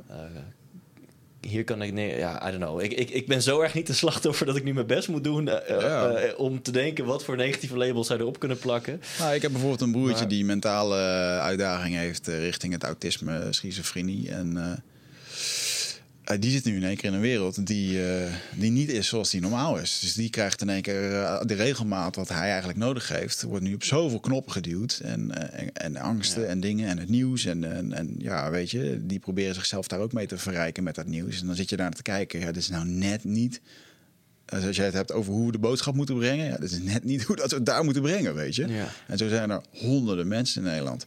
Er zijn ook heel veel gezonde mensen die ik ken die nu gewoon angstig thuis zitten. Ja. Die gewoon, eh, of met een ding van, nou, we moeten maar voorzichtig zijn. Oké, je zit dus in angst thuis. Ja. En gegrond, hè, want eh, we, we moeten zorgen dat dit eh, zo snel Ja, mogelijk ook ophoudt. Ik weet, we denken gegrond. Ja, maar het is wel een. het zijn echte gedachten die ervoor zorgen dat jouw gevoel een bepaald gevoel heeft. Ja. Dus het feit dat jij nu met een soort angstige voorzichtigheid thuis zit, betekent dat je bepaalde gedachten hebt, continu, die dat in stand houden. En, en, en dat is heel interessant om daarnaar te kijken. Ja, volgens mij is het een groot geheim van geluk en succes. Is, eh, eh, en ook geluk in de liefde, alles. Is welke labels plak jij op dingen? En Ja. kan je de andere labels op, eh, op plakken? Een verhaal wat ik laatst hoorde. ik weet het niet meer precies, maar dat maakt voor, voor de essentie niet uit. Was dat was een gewoon een gezinnetje van vier. Die hadden twee dochters, tweeling, allebei even oud. Dus allebei in principe nagenoeg zelfde genen en, en zelfde omgeving. En mama kreeg kanker. En eh, toen dat in de huiskamer werd gedeeld, eh, toen, toen liep papa naar mama toe. En toen gaven ze elkaar een hele innige knuffel. Dus het hele gezin in verwarring en in tranen. En die twee dochters, die zagen dat allebei. En dat ene meisje keek ernaar en haar hersentjes sloegen op van wauw, wat mooi. Ja. In momenten van trauma, van, van verdriet, dan heb je veel aan elkaar. En dan kun je elkaar troost bieden. Ja. Wat gaaf. En dat andere meisje sloeg op van wauw, in momenten van verdriet, van, van tegenslag, sta ik er helemaal alleen voor. Want papa en mama staan daar elkaar te knuffelen en ik sta hier in eentje. Wauw. Toch, ja, ook weer kippenvel. Gewoon eh, Ja. zo. En, en als dat gebeurt, als je zes, zeven of acht bent, een brrr, imprint, weet je wel. Het is zo bizar hoe wij... Er is helemaal geen werkelijkheid, maar wij creëren die met de labels in ons hoofd. Dit is de struggle die ik, ik iedere dag wel eens over nadenk met mijn dochtertje van twee jaar. Dat eh, eh, bijvoorbeeld heel grappig als Marieke en ik eh, elkaar omhelzen en we kussen elkaar. We laten zien dat we van elkaar houden. Dan eh, komt zij erbij staan en wil ze erbij staan. Echt zo van, eh, soms duwt ze mij zelfs weg, Oh ja, weet je wel. ja. Zo van, "Wa- wat ben je nou precies aan het denken, weet je wel. Want het is toch leuk dat mama en papa van elkaar houden. En Ja. dat soms dan met een hoop kabaal moet ik weg of zo. Of wil ze erbij. En Oh wat- gaat er? Wat, je maakt jezelf zoveel wijs in je koppie. En eh, ja. Ehm, je hebt nog geen kinderen? Nee. Nee, eh, nee. Heb je plannen voor wil je kinderen? Ja, ja, ik ben nu 31, ik word volgende week 32. Eh, op mijn verjaardag komt een doldwaze, gekke marketingactie, maar dat het terzijde. Voor kinderen. Voor kinderen. Help thuis aan een kind. Ja, ik denk dat er heel veel draagmoeders zijn die eh, zich op willen, op willen lijnen. Ik heb eenmalige actie, mensen. Alleen op mijn verjaardag doneer ik gratis mijn zaad aan, eh, aan elke vrouw. En dat je dan zo'n quarantaine plastic zeil hebt in je kamer, weet je wel? Dat je, ja, je moet je hele lichaam in een soort van condoom hijsen. Behalve, nou goed, wordt een heel raar gesprek zo. Ehm, ehm, nee, ik, ik ben op dit moment vrijgezel. En ik, ik zou het wel heel tof vinden om, eh, om een hele leuke vrouw tegen te komen. En om daar ooit een gezinnetje mee te stichten. Ja. Ja. Ja. Heb je wel eens gedate via de podcast? Ja, Ja, dus. Ja, ja, nee, zeker. Ja, jou, aan jou hoef ik die vraag niet te stellen natuurlijk. Eh, ja, zeker. Ik heb ook wel echt wel eens mensen uitgenodigd met een dubbele agenda. Dus dat echt met voorbedachte raden gewoon eens van... Oh, oké, eh, ja, ik zie jou wel als eh, in potentie de moeder van mijn kids. En, Ja. maar jij bent in principe niet zomaar bereikbaar. Maar wel als ik je vraag voor mijn podcast. Oké. Maar het is denk ik dus twee keer voorgekomen dat ik heb gedate met iemand die ik heb geïnterviewd. Nee, maar ik bedoel meer ook met fans van de podcast en zo. Oh, op Mensen die die contacten of eh, op wat voor manier dat het ook bij je kwam. Dan kan Ja. iemand in de podcast zijn. Of, Ja, dit is wel heel bizar. Kijk, eh, ik ben geen celebrity, maar ja, ik heb wel een be- bepaalde bekendheid door mijn in, theatershows. in de, laten we wel wezen, eh, je bent niet bekend als een Tom Cruise of als een GTST-ster landelijk, maar je bent in de niche van het podcasten en het persoonlijke groei Ja. ben je wel bekend. Dat klopt, ja. Ja. Ik mocht eh, echt super vet. Ik mocht in de AVAS live staan vorig jaar eh, op het superrelatieweekend van David en Arjan. Hè, van 365 dagen succesvol. Nou, jij hebt Arjan eh, Vergeer geïnterviewd. Ehm, en ik was een surprise act. Dus Heel veel vrouwen overigens in die Ja, ja, op dat ja. moment. Ja, er zaten Ja. daar 3300 mensen. En ik was niet aangekondigd, dus ik, wa- ik was surprise act. En voordat ik op moest, ik moest eh, aan het einde van de dag één moest ik op om een uurtje of zes of zo, aan het einde van de middag. En eh, gewoon smiddags wilde ik even in die zaal eh, eh, eh, kijken hoe de sfeer was. Vind ik wel lekker. Ik moet hier straks staan. Ja. Het is mijn grootste gig ever. Ik vind het fucking spannend, fucking veel zin in. Dus even intunen op de vibe in de zaal. Dus nou, het was seated uiteraard, dus iedereen zat. Dus ik stond gewoon aan de zijkant van de AVAS tegen de bar aan te leunen om gewoon een beetje zo te kijken. En, en dan heb je dus wel over de persoonlijke ontwikkeling branche, want of, of scene. Iedereen die daaraan deelneemt, hè, die heeft dus wel echt iets met persoonlijke groei, persoonlijke ontwikkeling. En ik kon daar niet normaal staan. Terwijl het seminar gewoon bezig was. Mensen keken om, mensen tikten elkaar aan en mensen kwamen naar me toe. En Ja, ik leuk. denk, wow, Ja. gaaf voor je ego natuurlijk. Maar Ja, ik wow. En toen ben ik maar snel naar achter gegaan, want ik denk, ja, dit... eh, Ook een beloning, weet je wel, uiteindelijk. Dat is wel gewoon, oh, het wordt dus toch wel gezien. Tuurlijk, ik, ik ben de eerste om toe te geven dat het en een fijne beloning is. En tuurlijk is het ook wel lekker voor je, voor je ego. Zo, het is wel kicken, weet je. Ja, het is gewoon erkenning voor hetgeen wat je doet. Ja. En, eh, ja. Maar ehm, ja, over, het is op Instagram. Ik krijg wel wekelijks één of twee berichtjes van vrouwen van... hey, dit klinkt misschien heel gek, maar zou je een keer met me willen daten? Zou je een keer koffie willen doen? Of ik heb het idee dat we echt onze kernwaarden 100% matchen. Ja. En ehm, ja, ik ben daar in, eh, misschien één à twee keer op, op ingegaan. En het, ja, I don't know, het voelt gewoon niet goed of zo. Dan heb je... Je, wil eigenlijk ge- je wil eigenlijk niet daten met een fan. Ja, en ik, ik heb één keer meegemaakt dat na mijn show... Ik had een show gedaan in... eh, Of je wilt niet iemand die je wilt niet met iemand zijn die continu. Ja, dat klinkt dan heel stom. Maar ehm, je hebt. Ja, nou, ga ik, weer allemaal- ga ik weer allemaal. Ik ga ben net zo weer. nieuwsgierig als de luisteraar van... Wat ga je zeggen nu, Wiggy? Ja, ik ga allemaal eh anekdotes aanhalen. Ook misschien niet. Ga ik weer helemaal uitweiden. Maar gewoon man-vrouw dynamiek. Je wil iemand hebben die je niet helemaal aanbidt als een fan. Want dat is niet interessant. Je wil uiteindelijk dat er, hè, even, er moet wat te Ja. jagen zijn. En ik vond het bijvoorbeeld heel erg aantrekkelijk bij Marieke dat ze niet eh, de podcast wekelijks zat te luisteren. Terwijl dat wel echt een soort van stokpaardje was. Van hé, hey, maar ik doe wel die podcast iedere week. Super vet gesprek en dat. En zei ze: Oké, nou leuk. Heb je hem dan een keer geluisterd? Nee, heb niet geluisterd. Boeide er ook niet, weet je wel. Ja, ja, ja. Dat, dat vond ik dan wel weer. eh, ja. Maar inderdaad, om dan. Ja, maar dat, dat is cool. Dat is, stiekem is dat heel aantrekkelijk. Ja, Ja. ja zeker. Dus, maar en, eh, echt een fan die. Ja, anderzijds kan het natuurlijk ook helemaal goed uitpakken. Ehm, ja. Zit jij eh, vaak in je hoofd? Eh, neem je heel veel informatie tot je video's, podcast, boeken? Eh, nou, voel je niet schuldig, dat doen heel veel mensen natuurlijk. Hè, maar vaak zijn we op zoek naar antwoorden. Ehm, gaan we nog meer informatie tot ons nemen. Terwijl ja, de antwoorden liggen toch echt in onszelf. En dat is iets wat we voelen met ons lichaam. Maar vaak zijn we zo erg in ons hoofd bezig ja, dat we dat ook niet meer, dat we daar niet meer echt goed bij kunnen. En dat is graag waar ik je voor uit wil nodigen. Voor Rite of Passage. 24, 25 en 26 mei is er weer een nieuwe editie voor mijn retreat voor persoonlijke ontwikkeling. Waarbij het thema echt is om uit het hoofd te komen in dat lichaam. Want dat is waar je alles ervaart. En ik wil dat je gewoon weer in contact komt met, met die, die intuïtie. Ehm, en dan gewoon een heel sterk eh, innerlijk kompas. Dat je gewoon weer weet waar je naartoe moet, wat je te doen staat. En dat je gewoon weer helderheid hebt over wat je wilt en hoe dat je dat gaat doen. En dat doen we middels eh, bio-energetische oefeningen, dynamische meditaties, een stuk shamanisme zit erin. Het enige wat er bekend is van het programma is dat er een zweethut in zit. Eh, en natuurlijk gewoon hands-on persoonlijk leiderschap. Eh, dit retreat krijgt een 9,2 gemiddelde van meer dan 331 deelnemers. Daar ben ik ontzettend trots op. Sterker nog, er is ook een money back guarantee. Vind je niks na drie dagen, krijg je gewoon je geld terug. Dus het enige risico dat je loopt, is dat je gelukkiger wordt. Klinkt dit als iets voor jou en durf je het aan?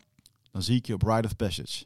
Ga naar wichertmeerman.nl en klik op Retreat. Dus dat was Nou ja, ik, ik heb er wel twee dingen over te zeggen. Eén is, eh, ik denk als iemand echt een fan is... en die- stel ik ga erop in, iemand zegt van... Ah, ik volg je en ik vind je niet alleen zakelijk cool, maar ook privé... en laat ik er afspreken. Ik denk dat je best wat dates verder bent voordat de hiërarchie eruit is. Ik wil niet dat er een hiërarchie is. Dat jij soort van tegen me opkijkt als de artiest eh, of de wat dan ook Thijs. Ehm, soms heb ik wel een keer meegemaakt, stond ik na een show met iemand te praten. En eh, dat zijn natuurlijk sowieso bizarre momentjes. Dat je dan ineens met mensen op de foto moet en handtekeningen uitdeelt en dat soort Ja. dingen. En dan zit je ook een beetje in die modus van oké, cool, leuk. ehm, maar er staat een hele rij. En toen kwam er ineens iemand, een, een meisje tussendoor. En ik voelde gewoon meteen, wow, maar zij ziet mij. Zij ziet mij voor wie ik ben. Dat vond ik heel Ik voel gewoon energetisch. Voelde ik gewoon al die Ja. andere mensen die zien mij nu even als de artiest Thijs, die net twee uur lang zijn kunstje heeft gedaan. En ik voelde gewoon aan haar energie. En ook de vragen die ze stelde. En, en toen was ik degene die daarna haar een berichtje stuurde. Van joh, was eigenlijk best wel bijzonder even dat gesprekje met jou achteraf, weet je wel. En eh, uiteindelijk zijn we niet gaan daten. Maar ik weet zeker, als we dat wel hadden gedaan, dan was dat prima geweest. Want Ja. het, zat, het voelde gewoon meteen goed. Ja. Ehm, maar wat wel grappig is om hierover te vertellen. Is alweer een jaar geleden. Toen was ik op Tenerife met, eh, met twee goede vrienden van mij. Doen we elke, kan ik iedereen aanraden. In januari gaan we een week. En we hebben ook echt een soort van eh, een pact. Dat, dat maakt niet uit als we straks eh, kinderen en alles hebben. Dat, in principe in januari, die week is heilig. Gaan wij gewoon. Maar totdat je kinderen hebt. Mooi. Ja, nou ja, ja dan, dan, dan mag je me weer uitnodigen en dan zal, ik, zal het blijken of ik mijn woord kan houden. Eh, maar gaan we een week eh, eh, weg om gewoon plannen voor het nieuwe jaar te maken. En toen hadden zij iets grappigs bedacht. Thijs zoekt vrouw. En dat was echt een, een, een grappig ideetje en 15 seconden later stond het op Instagram. Van, Ja. hashtag Thijs zoekt vrouw. En nou, het was, ineens was er geen weg meer terug, want de aanmeldingen stroomden binnen. Ja. En toen dacht ik, ja, fuck, oké, nou, nou kan ik me ook niet terugtrekken of zo. Dus zet die Thijs zoekt vrouw zoektocht maar door. Dus dan was ronde twee, mochten, eh, hadden ze tien dames uitgekozen die doorgingen naar ronde twee. Die mochten dan een video insturen. En was uiteindelijk de finale ronde was, eh, neem een video op met wat zou je doen op een eerste date met Thijs? Nou, en dan komt nu de reden waarom ik dit verhaal vertel. Toen werd wel een beetje duidelijk wat voor beeld blijkbaar een hele hoop vrouwen van mij hebben door wat ik doe. En dat is dat ik veel inspirerender en serieuzer ben dan ik werkelijk ben.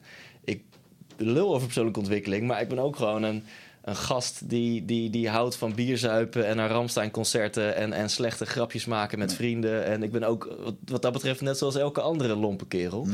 En, maar goed, een van de inzendingen was... ja, op een eerste date met Thijs zou ik eerst voor een haardvuur een munttheetje drinken... en daarna zou ik met hem naar een biodanza-avond gaan. Ja, ik weet niet of je weet wat biodanza is. Nee. Biodanza... Klinkt niet heel aantrekkelijk. Nee, is dat je volgens mij witte Biologisch danst? ja, ja, biologisch dans. Ja, van, oeh, dat is wel een, eh, een vleesmove. Nee, ehm, dat je witte gewaden aantrekt... en dat je op rare Afrikaanse ondefinieerbare trommelmuziek... eh, eh, gevoed door water heel raar gaat dansen Oh, en bewegen oké. en, en dat soort dingen. Eh, en iemand anders wilde in het park singer-songwriter muziek luisteren. En zo dacht ik, wow, dit, Ja. ik heb dus blijkbaar een veel zachter imago... doordat ik ja, ook wel met spiritualiteit bezig ben... en met persoonlijke groei, eh, dan dat ik werkelijk ben. Dus ik denk dat voor veel van deze vrouwen wel een tegenvaller is... als, eh, Maar ik, ik, als ik nu naar jou, als ik naar jou kijk, ehm, dan. ehm, ik heb dat wel eens aan de telefoon tegen je gezegd. Je hebt een beetje die Martijn Krabbe-factor.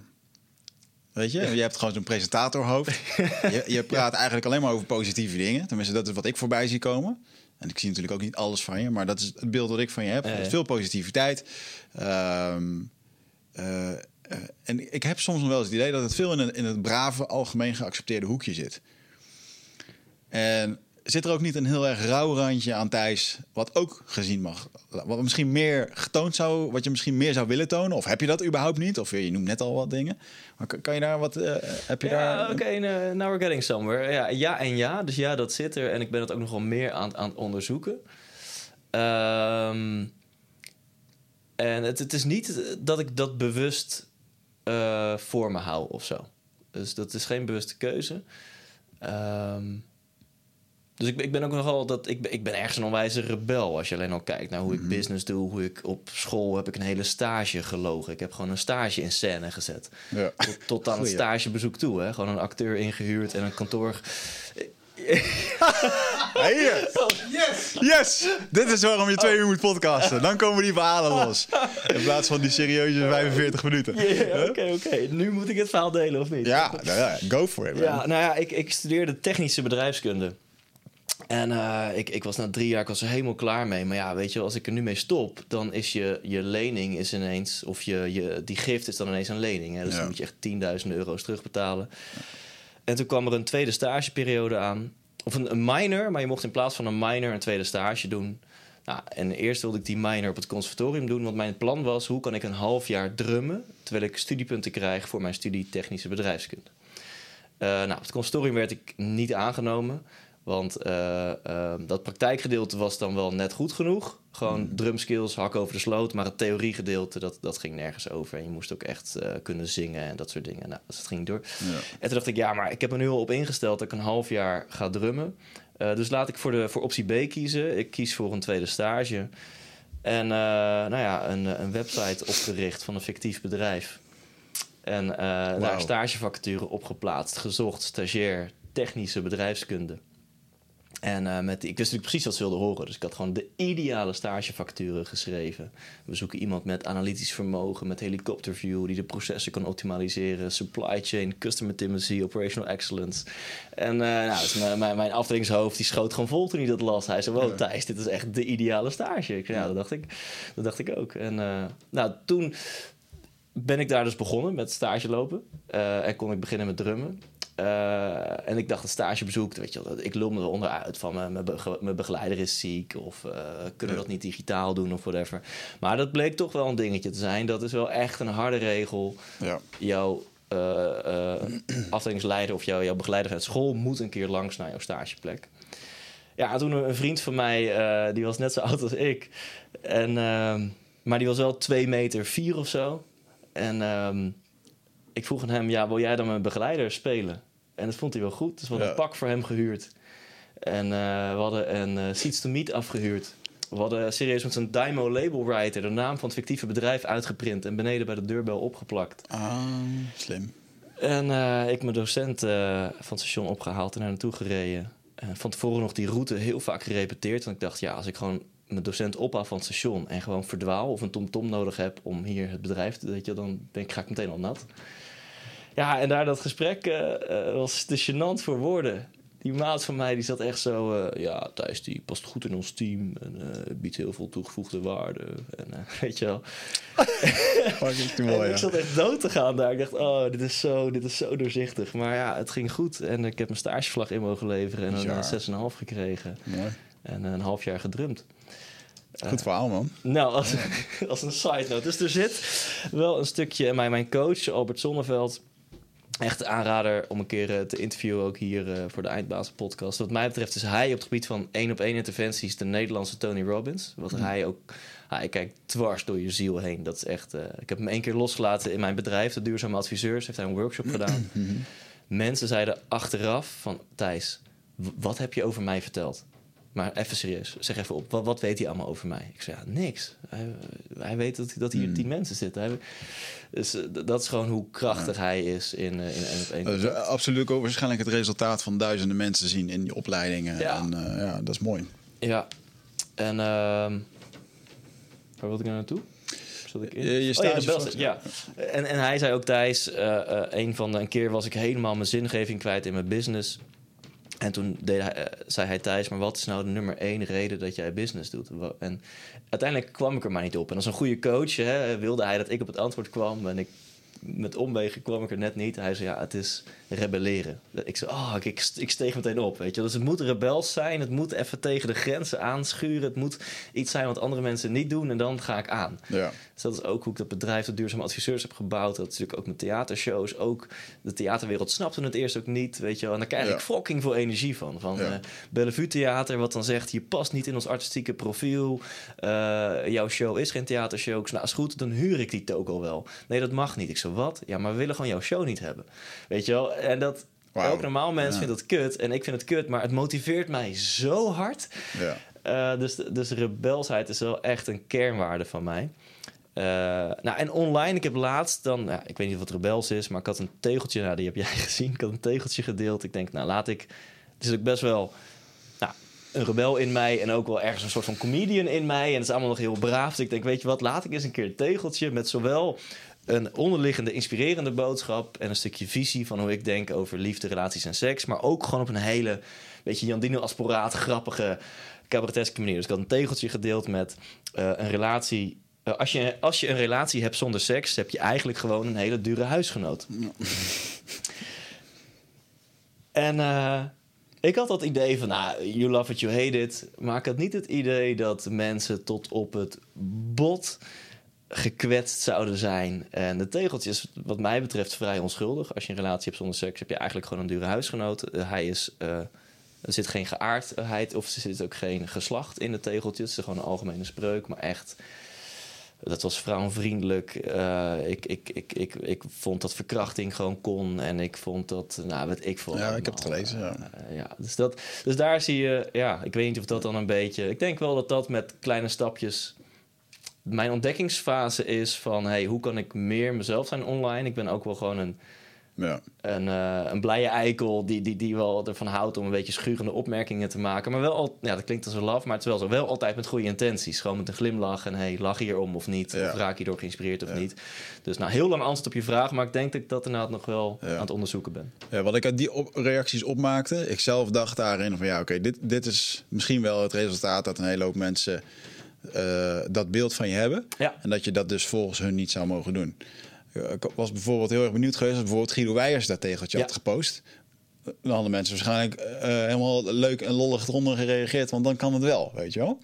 Dus, maar goed, ja, mensen mogen ook wel meebewegen in jouw eigen groei. Dus inderdaad, als je Ja. wat meer rebels zou willen zijn, of jezelf wat meer jezelf willen laten zien. Of ja, ik denk ook wel dat die verandering.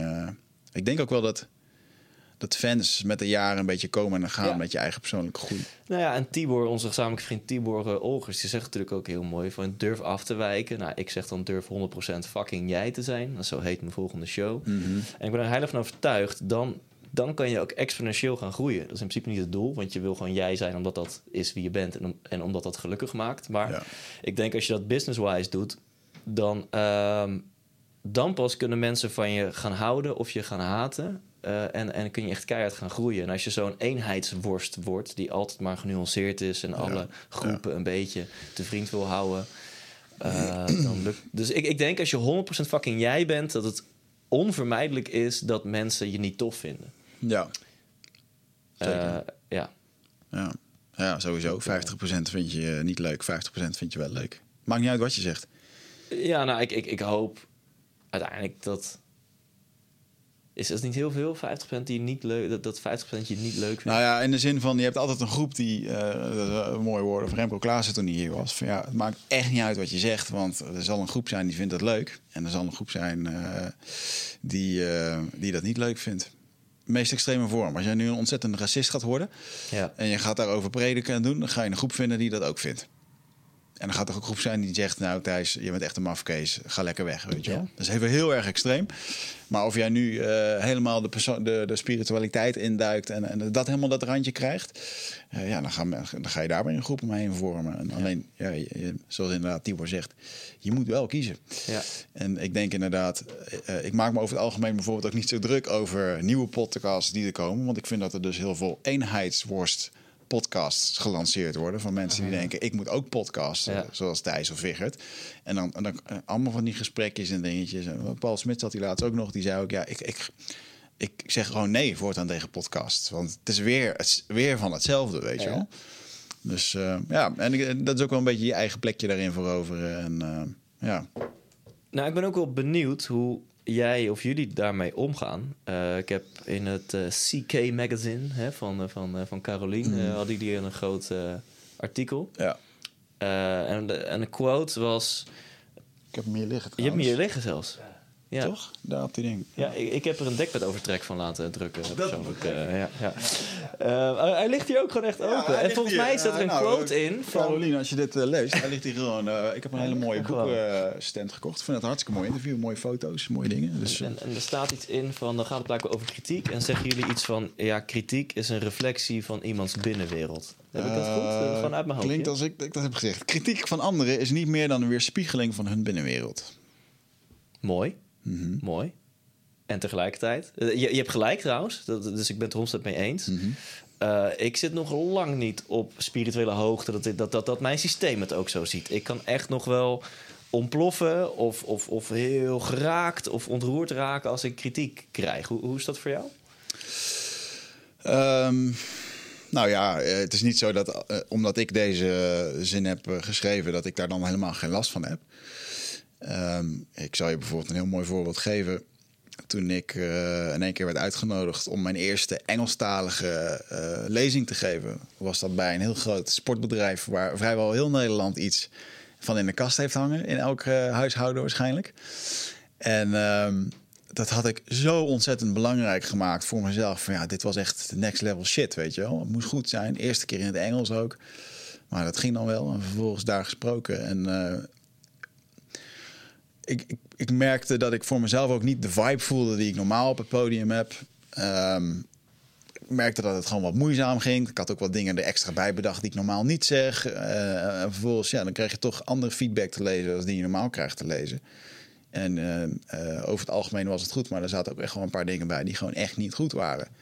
Was ook de eerste keer dat ik echt voor een bedrijf stond waarbij mensen van de baas daar moesten zitten.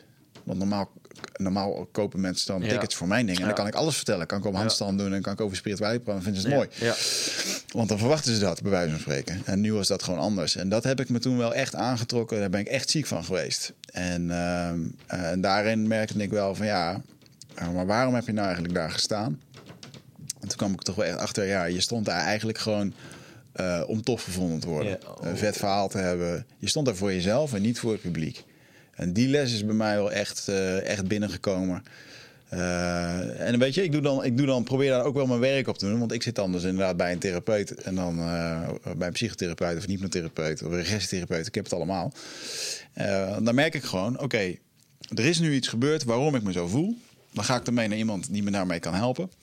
En dan zorg ik dat ik dat ga oplossen. Want als ik het nu niet doe, dan is het straks als ik een theatershow ga doen, is het helemaal erg, weet je wel. Dus ik, ehm, ik, ik heb mezelf daar wel heel erg in opgeschoond Ja. in de afgelopen eh, jaren. En ehm, ja, ik krijg nog wel eens kritiek. En dan, eh, eh, Michel doet het sowieso wat minder. Die is daar wat stoïcijns in. Heeft wat meer een houding van ja, als je het niet leuk vindt, luister niet naar. Doei, ik heb jou niet nodig. Terwijl ik, ehm, ik kan het nog wel aantrekken, inderdaad, ja. Ook als iemand mijn goede intenties niet snapt en daar Ja. gewoon een mening onder zet, dan ja, kan ik dat nog wel eens. Ja, de irritante spirituele wijsheid die wij allebei hebben. En dat, dat leerde ik van Jan Dino Asporaat. En hij heeft hem weer van Winston Churchill of zo. Hè, ehm, de volgende zin. Er kan alleen maar een vijand van buiten zijn als er een vijand van binnen is. Ja. Oftewel, kritiek kan jou alleen maar raken als er in jou ook een stukje onvrede of onzekerheid zit. Ja, Hè, zeker, Als jij 100% liefde bent, je bent 100% goed genoeg, dan kunnen mensen zeggen wat ze willen. Kunnen mensen de meest onaardige dingen zeggen. En dan kan je eigenlijk alleen maar glimlachen en denken: Goh, Ja. wat interessant dat jij daar zo over denkt. ja, En eh, misschien zeg je dan zelfs van: Nou, vertel eens wat meer. Wat maakt dat je, ja. dat je er zo over denkt, weet je wel? Ehm, eh, dus hoe, ja, we, ik wou volgens mij naar een vraag toe, maar die ben ik nu kwijt. Maar in ieder geval, ik merk bij mezelf dat. eh, ja, ja, want jij zegt, ik, je, je, je hebt alle peuten, regressietherapeuten, psychotherapeuten en coaches en alles. En, en, en eh, is het jou dan gelukt om, om, om die interne vijand te vinden? En om inderdaad, ja, daarom kwam Ja. ik erop. Want je zei van ja, ik trek het slecht als mensen mijn intenties niet begrijpen. Terwijl in principe, Ja. ja, boeien, dan begrijp je intenties toch niet?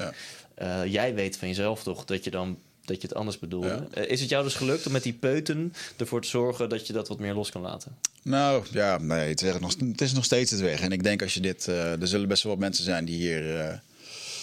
eh, veel minder last van hebben of wat dan ook. Maar ik merk bij mij gewoon dat de Wigert die heel graag wilde laten zien dat hij succesvol is, op, toch op zoek was naar erkenning. En, en dat, dat hele, die hele blauwdruk die Wigert heet, daar zitten er duizenden emotionele knoppen op. En nu los ik deze ene knop op voor die ene situatie. En volgende keer dan zegt iemand eh, iets over mijn uiterlijk en dan wordt er weer een andere knop ingeduwd. Ja, ja.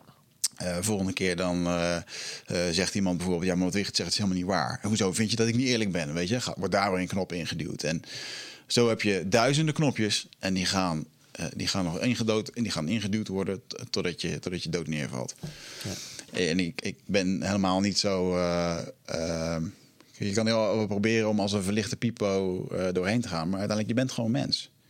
Eh, Je hebt het, helemaal, je hebt het bijvoorbeeld over de spreuk leef intens. Ja, wat is dat precies? Weet je? Hoe, goed kan je daadwerkelijk voelen met je lichaam? Want het voelen is hetgeen wat het leven heel erg intens maakt. Ik had het hier toevallig nog vanochtend over met Marieke. Want Marieke zei, eh, hij, heeft het over leven intens. Maar, maar kan Thijs ook intens leven? Kan je, ben je goed in voelen? Of ehm, ehm, vind je dat intens leven te maken heeft met hard werken, heel veel doen, veel bezig zijn? Omdat je dan op het moment als je die dingen doet, dat je dan daadwerkelijk voelt dat je leeft. Hè? Dat zijn twee verschillende dingen. Terwijl ik denk dat er ook heel veel eh, eh, mensen zijn die eh, echt intens eh. Ik moet bijvoorbeeld altijd lachen. Hierbij moet ik aan twee mensen denken. Ik bedoel, mijn vriendin eh, Marieke, die kan gewoon, die is echt een intense voelster. Daar- Daarom heeft ze ook de bewustzijnsschool, doet ze wat ze doet. Een ander voorbeeld hiervan vind ik bijvoorbeeld Tibor Olgers, die op zijn evenementen. ik zei dat toen ook de laatste keer op zijn eh, ehm, op de summit, Hemera Summit, waar we toen, waar ik ook spreker was.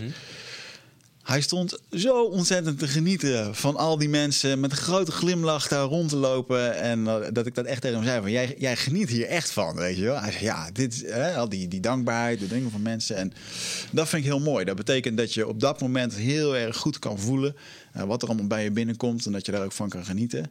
Eh, en ik, ik denk dat ik vaak nog wel eens... ehm, ja, ik vind het nog wel eens moeilijk om echt in dat moment alles helemaal op te nemen. En dat diep te doorvoelen. Maar het zit wel natuurlijk in dat voelen. waarin je alles meemaakt en waarin, waarin het heel mooi of heel pijnlijk wordt. Ja. En bedoel je dat op events of gewoon in algemene zin in het leven om echt intens in het moment te zijn? Ja, misschien alle twee wel. Ik heb sowieso wel een handje van dat ik. Uh, uh, ik vind het soms moeilijk om te genieten. Dus uh, ik had het afgelopen jaar bijvoorbeeld heel erg uh, even wat schommelingen in omzetten. En toen merkte ik dat ik uh, dezelfde urgentie van geld verdienen voelde op het moment als er 30.000 euro op de rekening staat, maar ook als er min 300 op de rekening staat. Dus het, hetzelfde gevoel van tekort.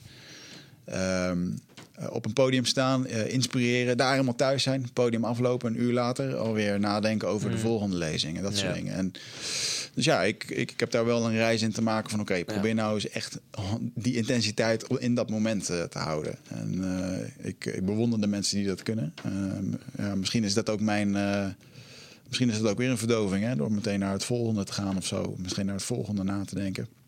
Ja, maar dit is sowieso heel eerlijk dat je dit deelt. En resoneert ook absoluut bij mij. Is dit niet de reis die we allemaal te maken hebben? Zeg maar, om, om erachter te komen dat alles van binnen zit. Ja. En, en hoe meer we de verbinding kunnen maken met onszelf en met het geluk dat er altijd al is, hoe makkelijker het leven wordt, hoe minder hoeft. Zeker. Maar dan, dan een vraag aan jou. Hè. Vind je jezelf, ben je goed in voelen? Oeh, nou niet volmondig jaar, anders was hij nu al wel geweest. Uh, ik kan heel goed in voelen zijn. Uh, ik heb het. Ja, ik kan er veel over vertellen. Laat ik ook naar, naar vroeger gaan. Uh, laat ik eerst een valkuil noemen. Wat jij net beschrijft van Tibor, dat herken ik. En het is mooi. Het, het is mooi dat je op zo'n event dat je echt 100% in flow, 100% in het nu kan zijn. 100% kan genieten, maar het is ook fucking gevaarlijk. Want voor je het weet heb je dus events nodig om intens te leven, om intens te voelen, intens te genieten. Ah, zo ja. Ja, ja, ja. En dan, ja. ja. dus dan word je een soort van addict. Hè? Ik bedoel, ja. Bruce Springsteen, die gast, weet ik veel, die is 60 plus. Mm. Als hij niet 70 al is. Uh, die heeft denk ik echt wel een paar optredens gedaan in zijn leven. Uh, kan al lang gewoon gaan chillen.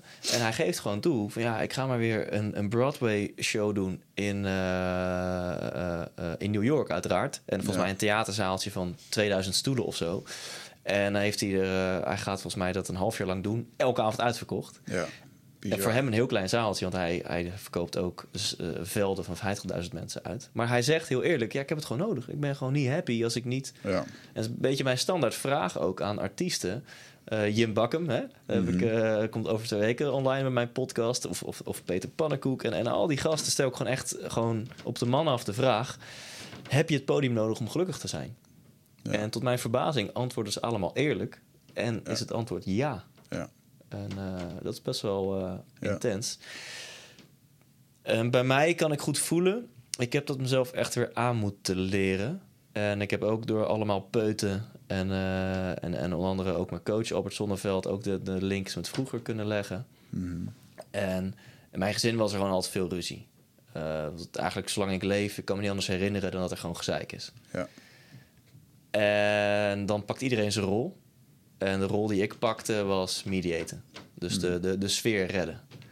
Uh, wat dat is heel mooi. Hè? Dus je gaat heel goed een sensor ontwikkelen voor... oké, okay, wat, hebben, wat heeft de sfeer nodig? Uh, wat gebeurt hier? Wat, wat, wat voelen mensen? Wat doen mensen? En, en wat is dan het gat? Wat, wat kan ik leveren om ervoor te zorgen dat die sfeer wordt hersteld? Ja. En uh, een metafoor die iemand me laatst leerde, vond ik heel gaaf. Het is een beetje een lompe metafoor, maar wel gaaf. Je wordt geboren als klomp klei. Zo'n mm -hmm. klomp klei. En er komt van één kant komt er continu wind. Dus die klomp klei die gaat één kant op staan. En aan het tijdje hard die klomp klei uit. En dan ben jij fucking goed in zo staan. Niemand ter wereld kan zo goed staan als, uh, op deze manier als jij, zeg maar. Want die ja. wind altijd van die kant is gekomen. En dat is dan je grootste kracht en je grootste valkuil geworden. Ja. Nou, mijn klomp klei is dus uitgehard naar iemand die super sensitief is. Mega goed sferen kan voelen. En die mega goed de entertainer kan zijn. En, en de, de sfeer kan redden. Ja. Maar wat je hierin ook hoort, als je even iets verder luistert of kijkt... dat er dus geen ruimte was om mijn behoeftes aan te geven. Hè? Ja. Er is totaal geen ruimte voor. Uh, dit, ik bedoel, de sfeer is al shit. Ga ik ook nog eens ruimte innemen? Hè? Ga ik ook nog eens aangeven hoe ik me erbij voel? Ja. Dat, dat, is alleen maar meer confrontatie. Dat is het laatste wat ik moet doen. Ja, en dat is echt wel wat ik hoop bij mijn kinderen anders te doen. Dat je ze echt wel meegeeft. En je, je verneukt het toch wel als ouder. Sorry, Wiggert, maar goed, Ja, dat, eh, zeker. dat ja. weet jij. eh, Process weet ook ongoing. Sorry, Leo. maar ehm, dat, dat hoop ik bij mijn kids toch wel te doen. Ik ze nou ook van meegeef. Je gevoel, ja, klinkt weer zo fucking, eh, fucking zoet. Maar je gevoel mag er zijn. En je gevoel is ook gewoon een goed argument. En Ja. je mag ruimte innemen. En je mag aangeven waar jij behoefte aan hebt. Ja. En ik heb dat dus, omdat ik zo ben uitgehard als klomp klein, omdat ik zo ben geprogrammeerd om, om, om dat weg te cijferen, heb ik echt wel, eh, nou, tot op de dag van vandaag, ben ik daar dus mee bezig Ja. om, om die sensor weer gevoeliger te maken voor wat ik voel. Ja. En dat is één, hè, die, want die sensor hebben we allemaal. Eh, Remco noemt het dan je kwispelstaart. Hè, dat, dat, dat, dat stemmetje wat ik echt in mijn onderbuik voel. Ik denk dat iedereen hem wel eens onderbuik voelt. Hè, van wat vind ik, wat wil ik. Dat is één, omdat je hem voelt. En twee, en oh, die vind ik zo moeilijk, jongen, zakelijk en privé. En dat heeft me ook zoveel ellende opgeleverd. Maar ik vind het zo moeilijk om dan vervolgens daar trouw naar te leven. Want als je trouw leeft naar dat stemmetje, Mhm.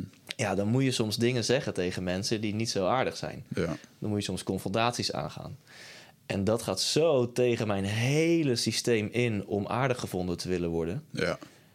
Eh, maar ja, als je dat de eh, leidende draad laat zijn, dan word je nooit een goede leidinggevende of ondernemer. Nee. Eh, word je eigenlijk ook nooit een goede partner in de liefde. Nee. Maar dat, dat, is, dat is bij mij wel, ja, één, intens leren voelen. En twee, trouw daarnaar durven te zijn, ook als dat een confrontatie oplevert. Ja. Ja, het er zijn een aantal dingen. Hè? Bijvoorbeeld dat die gevoelens, goed naar je gevoelens luisteren. Wordt vaak wel gezegd. Ik denk ook dat we in een... vandaag de dag in een maatschappij leven... waar heel veel mensen niet wordt geleerd... hoe je met emoties en met je gevoel gaat omgaat. Ik denk dat we soms ook in le- leven in een maatschappij... waar we te veel hinken naar wat iemand voelt... en, en daar maar op moeten sturen. Eh, de, oh, ik ben hooggevoelig, ik kan het echt niet. Oh, weet je, dan denk ik echt, ja, maar je leeft hier wel op planeet Aarde. Je moet het hier doen. Ja. Zorg dan dat je ermee om kan gaan. Want ehm, hoe jij je voelt in dat ene moment, dat is 100% waar. Ben je angstig? Hey, dat is helemaal waar. Jij bent angstig, weet je. Heb je plezier? Ben je boos? Ben je verdrietig? Mag er allemaal zijn. Dus dat gevoel, dat ligt niet. Alleen de gedachten die ervoor zorgen, die dat gevoel creëren... daar kan je echt je vraagteken bij stellen. Is het echt zo? Waar, hè? Dan heb je het weer over de perceptie naar de wereld... Ja. en hoe dat je naar de wereld kijkt. En, en ik denk dat ik denk dat dat misschien wel een van de grootste boodschappen is nu in mijn lezingen. Van, joh, ja, je kan je op allerlei manieren voelen en dingen en anders de schuld geven of overal blij voor zijn. Maar het is uiteindelijk inderdaad echt dat verhaal hoe jij naar de wereld kijkt. Want ik zit hier nu met jou naar jou te kijken. Jij komt bij mij al die filtertjes binnen. Het gaat door al die dingetjes heen van mijn opvoeding, van mijn school. blablabla, En dat creëert dat gevoel. En, en ja, weet je, het, het, is het echt zo?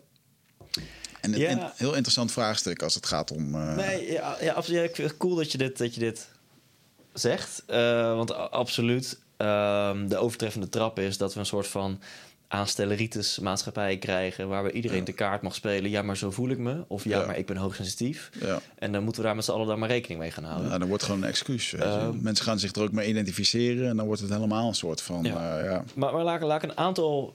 Ik heb, kom, er komen nu drie voorbeelden in me op die misschien iets beter duiden wat ik bedoel. Stel, jij zegt tegen mij: Yo, Thijs, zullen we eh, zaterdagavond eh, naar, de, naar, naar de film gaan of naar de kroeg gaan? Eh, vroeger kon, weet je het nog? Vroeger toen we gewoon nog naar de kroeg Ja, gingen, dan mocht je weer met, nog met andere mensen elkaar mocht aanraken en zo. Ehm, en, en, en dat ik dan voel, hè, dan, dan, het- mijn eerste gevoel is, oeh, heb ik eigenlijk niet zo'n zin in. En dat, en dat ik dan gewoon zeg, van nou, eh, nee, eigenlijk eh, eh, niet. En dat jij zegt, hoezo, dan heb je iets anders? Ja, nee, eh mijn agenda is gewoon leeg. Maar ik merk dat ik gewoon eigenlijk behoefte heb aan, eh, aan even een avondje niks. Dat is gewoon even een heel klein voorbeeldje, weet je wel. Maar als je daarin, dat heb ik heel erg moeten leren. Sorry, ik zit niet te denken, ik heb gewoon even een avondje zin om te biodansen. ik krijg het beeld niet meer uit mijn hoofd. Ja, ja, ja, ja. Oeh, ik, ik denk er nog even over na, en ehm eh, ander voorbeeld. eh, eh, stel, wij- zijn, wij zijn matties, wij zijn maten. En jij doet, vrienden van elkaar, en jij doet altijd een beetje lacherig over dat ik drum of zo. Van alsof het iets minder, ik noem maar wat. Hè? Ja. En ik zit er best wel mee. Als ik dat nooit uitspreek, dan heeft onze vriendschap altijd een soort van knoop in mijn maag. Terwijl Ja. als ik gewoon een keer zeg, yo Wigert, je loopt altijd een beetje lachig toen over drummen. Maar dat is voor mij gewoon echt mijn grootste passie en uitlaatklep, weet je wel. En Ja. dat, dat, dus ik zit er best wel mee. Wie weet zeg jij dan van... Oh, gast, maar zo bedoel ik het helemaal niet. Ik, of, of ik ben juist jaloers dat jij dat hebt en ik niet, of zo, weet je wel. En dan kan die vriendschap ineens naar een dieper level gaan. Ja. Omdat ik gewoon mijn gevoel uitspreek. En nou ja, eh, om dan nog de zakelijke context bij te halen, daar ben ik heel vaak tegen dezelfde steen opgelopen. Ja, als iemand voor je werkt en diegene doet niet wat hij of zij zou moeten doen voor de zak geld die je maandelijks naar hem of haar overmaakt. En dan ga je het belangrijker vinden om, om, om de, hè, dat dan de overheersende gedachten zijn van ja, maar hij of zij dat heel goed de best. En oh, maar dat is vet lullig als ik nu tegen haar zeg dat ze dat niet goed doet. Dan gaat ze vanavond waarschijnlijk bij de man, eh, gaat ze het hierover hebben en ligt ze misschien wel te huilen op de bank. Oeh nee, dan, dan hou ik maar het handje boven de hoofd, weet je wel. Nou, ik noem dan nu drie voorbeelden en in, Ja. in die contexten heb ik wel heel erg geleerd en nog steeds eh, daar een weg in te gaan om dan gewoon trouw aan mezelf te zijn. Ja. ja, ik denk dat dat de grote uitdaging is voor iedereen. Het is ook bijvoorbeeld als ondernemer zijn om niet eh, voor het geld te gaan wat makkelijk is, maar wat eigenlijk niet goed voelt. Ja. Ik heb ook wel eens dat ik dacht, ik ah, coaching kan trek. Nou weet je, fuck it, doe ik er nog wel eentje bij. Terwijl ik eigenlijk dacht van ja, heb ik nu echt heel veel energie van deze persoon om mee te gaan? Dan ging ik vaak ook, dan, dan, dan haalde ik ook niet het resultaat of eh, dan werd het dat niet, weet je wel. Ja. Ik denk dat dat. eh, eh, maar ja, dat is een beetje de, de, de samurai-code die je met jezelf moet hebben en ook moet ontwikkelen. Ja. En ik denk dat eh, nu heb je dat al, je verwoord dat heel helder. Hè, van wat, is mijn eigen, wat zijn mijn eigen- kernwaarden? Hoe wil ik leven en, en doen? Maar toen ik 22 was, had ik er echt nog nooit over nagedacht. Nee. Dan was het gewoon zo, weet je. Ja, ja, ja, dat, ja, het is mooi. Ik ben nu 36 en eh, ik kijk echt uit naar de komende 40 jaar hoe ik me dan gaan ontwikkelen. Weet je. Ja. Ook eh, hoe je dingen nu al niet meer. Net als dat, dat van vroeger van hey, ga je mee uit? Wow, als de dood dat ik iets zou missen als ik niet Ja, ja, uit ja. zou gaan, weet je wel. Hup, allemaal weer lam in die kroeg en dan de volgende dag en dan eh, en echt balen als je niet ergens naar een feestje toe kon of zo. Ja, gelukkig zijn we wel wat ouder en eh, verstandiger geworden daarin. Hoe lang zitten we al? eh, Ja, is, eh, we zitten bijna 2,5 uur. bijna twee uur. Oh. Heb je nog even tijd of niet? Jij ook? Ik heb tot 1 juni de tijd. Oké, nou ja. een twee maanden lange podcast. Tering. Als mensen echt, voor de volgende pandemie. Als mensen echt niks te doen hebben. Weet je nog, vroeger. Een gesprek met Maar, Richard eh, en Thijs van 412 uur. Maar je zei dat je, je had je goed voorbereid eh, eh, op het eindbasisspectrum. Dus eh, vuur eens eventjes wat vragen die daarbij Nou, naar boven Vast in komen. je seatbelts, eh Richard Meerman. Ik Oh, grijp nu naar mijn binnenzak. Ik grijp nu naar mijn binnenzak. ik heb even als voorbereiding op een notitieblokje... Damn. eh, eh, heb ik, Wie gaat wie nou interviewen hier? eh, heb ik opgeschreven. Nee, dit is minder spannend dan het klinkt. Maar alle namen die wij allebei hebben geïnterviewd. Ah, ja. Ik denk Ja. dat is misschien een mooi topic. En dat Ja. zijn er eh, een stuk of twintig. Ja. Eh nou, ja, is niet zo heel... Ik weet niet, heel boeiend denk ik om samen op te noemen. Ik heb soms wel eens, dan komt er iemand langs op mijn Instagram bij jou. En dan denk ik, "Ah, hij is weer eerder. Die Ja. hebben wij over twee weken. Weet je wel? Ja, ja, ja, ja, ja. ja. Ik, voel, me- ja, ja. Mooi, ik voel me ook wel genaaid, niet door jullie, maar door die gast. Ik denk, je had even gezegd dat je ook bij de eindbasis zit, weet je wel. Dan had ik in elk geval de timing daar een beetje... Oh, ik zo. vind het zo lomp dat dan iemand op maandag bij mij zit... en de week erop bij jullie of andersom, weet je. Dat is, Ehm, ja, of het is strategisch. Iemand heeft een boek uitgebracht Dat of heeft een theatershow en komt gewoon langs. Weet je? Dus ja. Maar we zijn allebei vrij vroeg begonnen met eh, eh, de managementgoeroes... Jos Burgers en Remco Klaassen. ja. Die, eh, Remco was bij mij episode 2 en Jos Burgers episode 7, geloof ik. En bij jullie ook zoiets, geloof ik. Nou, we hadden Jos Burgers was nummer 16. En ik zal je, hoofd, ik, ik zal je, nou, dat is een belangrijk bijgebleven, omdat ik Jos Burgers heeft er bij ons echt voor gezorgd dat een hele hoop andere mensen ook kwamen. Oh, cool. Of zeg ik nu, was Jos Burgers eerder? Remco Klaassen was volgens mij 16. Jos Burgers misschien wat eerder. Maar omdat Jos kwam, waren er toch een hele hoop mensen die zeiden: Ja, dit is toch wel. eh, Oké, oh, Jos is geweest, dan kom ik ook. Weet je? Want Heel veel mensen begrepen echt niet dat wij in het begin deden. Eh, Waar, waar ga je dan over praten? Eh, Wat is dat dan, een podcast? En twee uur lang praten. Mag ik dan de vragen van tevoren zien? En nee. We hebben geen je, vragen. We hebben geen vragen. Michel werkt altijd wel een hoop uit. Ik doe het wat meer intuïtief. Maar Nou, dames en heren, Wigert zit hier gewoon de hele, de hele tijd een autocue voor te lezen, hoor. Laat ik dat Ja, gewoon maar ja. even eerlijk, speed. eerlijk verklappen. Sorry, ga verder. nou ja, dat was het. Dus, eh, maar je had Dus zo, zo kom naar jouw Ja. kant eh, toe groeien. Het zijn twee pagina's. Ik heb hier alle namen opgeschreven die wij allebei hebben geïnterviewd. Ja, moet ik, wat wil je nu dat ik Ik weet ik veel. Zal ik eens vertellen dan hoe het mij is gelukt? Want volgens mij was dat ook, stond ook op jullie wishlist om echt in episode 10 of zo André Kuipers. eh, nou, daar heb ik nu contact mee. Dus nu, hij zou eigenlijk 26 maart eh langskomen. Nou, thank you corona. Niet gelukt. Eh, maar we hebben eigenlijk uiteindelijk via Giel Belen, eh, die heeft hem in contact gebracht. Ah, en toen werd er weer niet gereageerd. Toen, heb ik, toen kwam Giel toevallig zelf op de app van... hey, heeft hij nou gereageerd? Zeg, Nee, nog steeds niet. Wacht maar. Dus die is zich boos gaan maken. En nu hebben we contact, gaan we het echt plannen. Dat is, maar dat is echt... Ja, dat klinkt dan zo stom omdat ik hem ook heb gehad. Maar ik zal zo op mijn verhaal vertellen. Maar dat is echt knap. Want die gast, ik heb hem later nog een keer wilde ik... Toen bestond mijn bedrijf, de Duurzaam Adviseurs, bestond vijf jaar.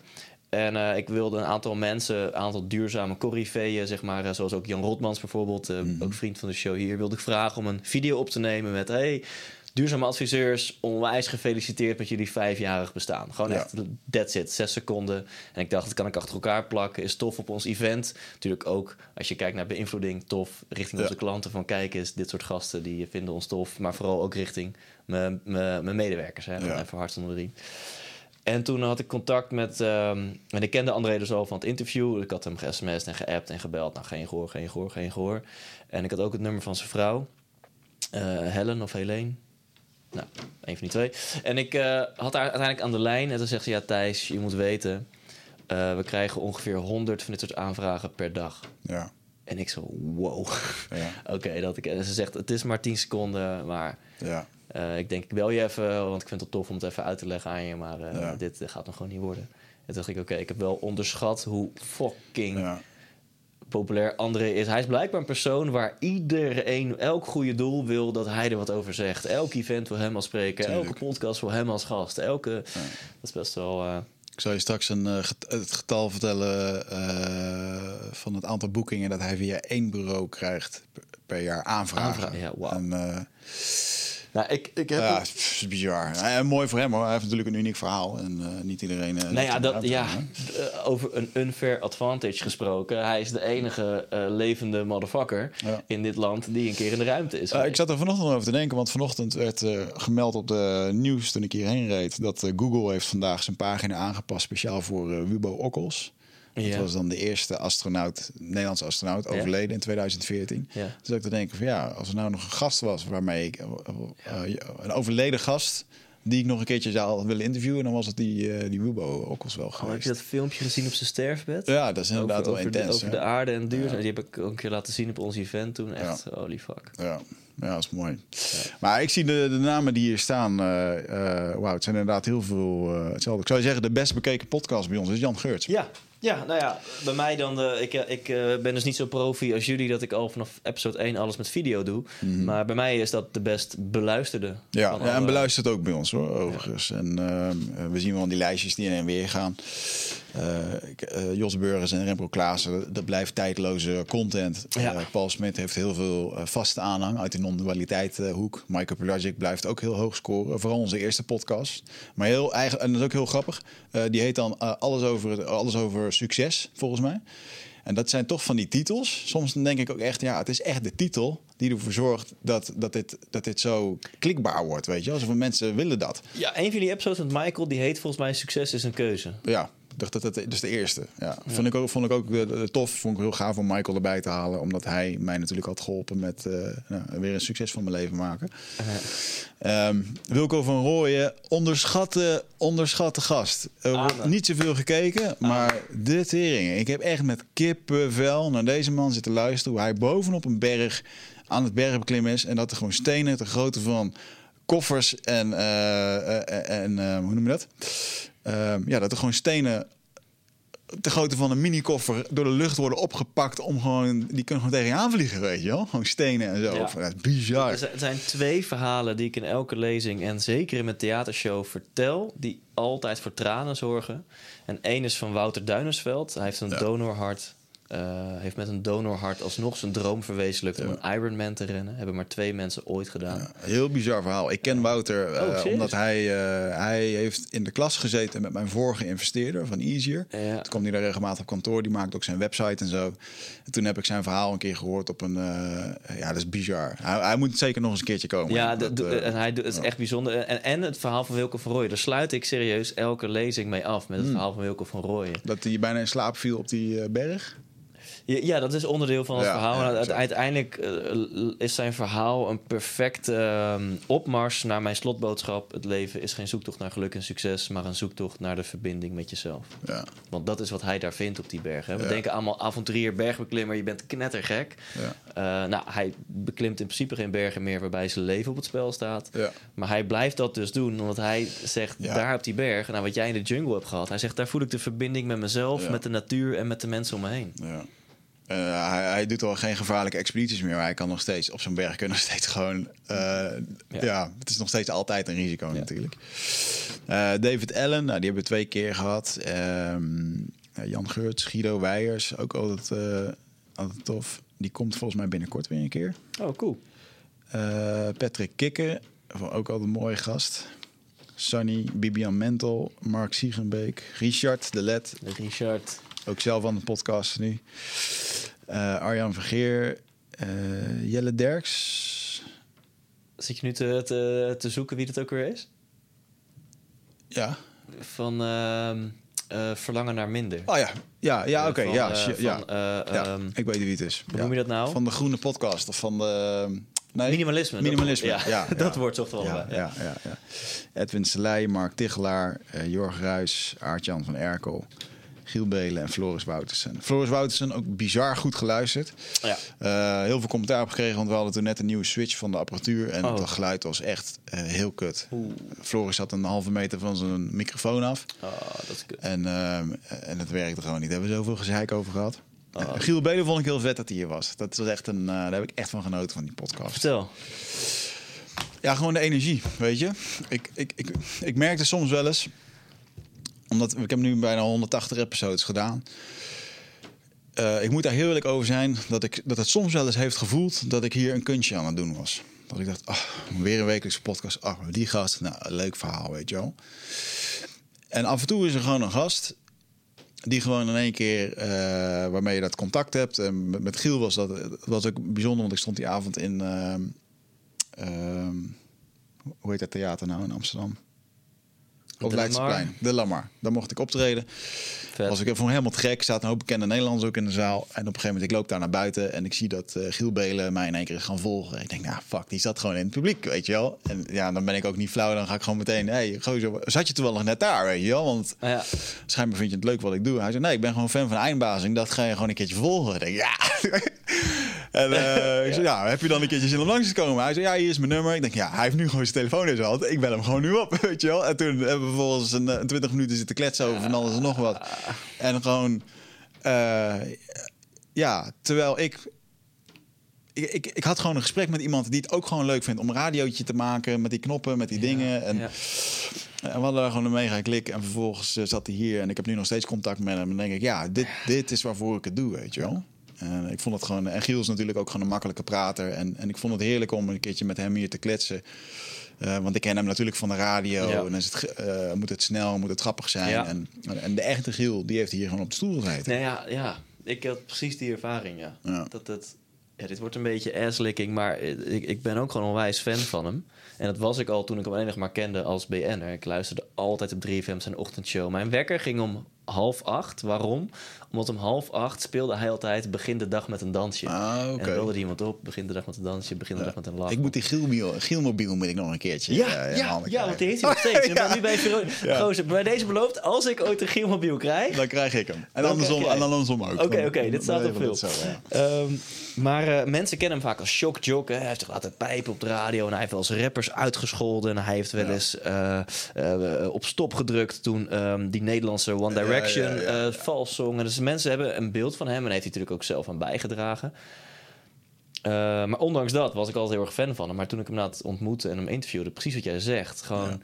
dan zie je ineens de echte Giel. En zo'n pure, enthousiaste, totaal niet ego-trippende gast. Ja. Juist ja, een beetje onzeker en, en, en, Ja. en, en, en heel geïnteresseerd en, en, en, en Ja. heel vereerd. Ook dat ik denk, gast, ga, ga jij nou zeggen dat je het bijzonder vindt dat je in de 100% Inspiratie podcast zit? Ik bedoel, Ja. doe het. Ja, zeker. Eh, dus ja, echt eh coole gast. Ja, lachen. Dus dat, ehm, ja, weet je, ik durf te zeggen dat het podcast eh, brengt mij voor alles wat ik nu doe, of het nou de lezingen zijn, of de retreats, of de uitnodigingen die ik krijg, heeft gewoon te maken met die podcast. Ja. Dus daarin heeft het mij, eh, naast een vrouw en een kind, alles gegeven wat ik nu doe, weet je wel. Mooi, ja. Ja, dus ik Ja, eh, kan het aanraden om. eh, en, en ja, ik denk wel dat we alle twee in een juist moment zijn ingestapt. Michel zei het laatst heel mooi. Ik ben niet meer bang voor al die nieuwe podcasts dat die ons in gaan halen. Want ja, ik luister eigenlijk al vijf jaar lang steeds naar dezelfde podcast. Ik verander daar niet in. Eh, ook om mezelf een Ja. beetje te behoeden van, de, van de, de hoeveelheid media die ik naar binnen krijg. En eh, laten we ook wat minder bescheiden zijn, of althans dat ga ik nu doen, eh, zijn eh, kwaliteit drijft wel boven, boven water. En wat, wat ook als iemand nu een podcast begint met onze kwaliteit, zal die ook echt wel heel populair kunnen gaan worden. Want wat jullie doen, wat ik doe, de, de videokwaliteit is goed, de audiokwaliteit is goed. Ja. De gasten zijn fucking goed. Gewoon eh, BN'ers, celebrities. jullie hebben top van de vechtsport. eh, van de directeur van PSV tot aan experts op alle vakgebieden. Ja.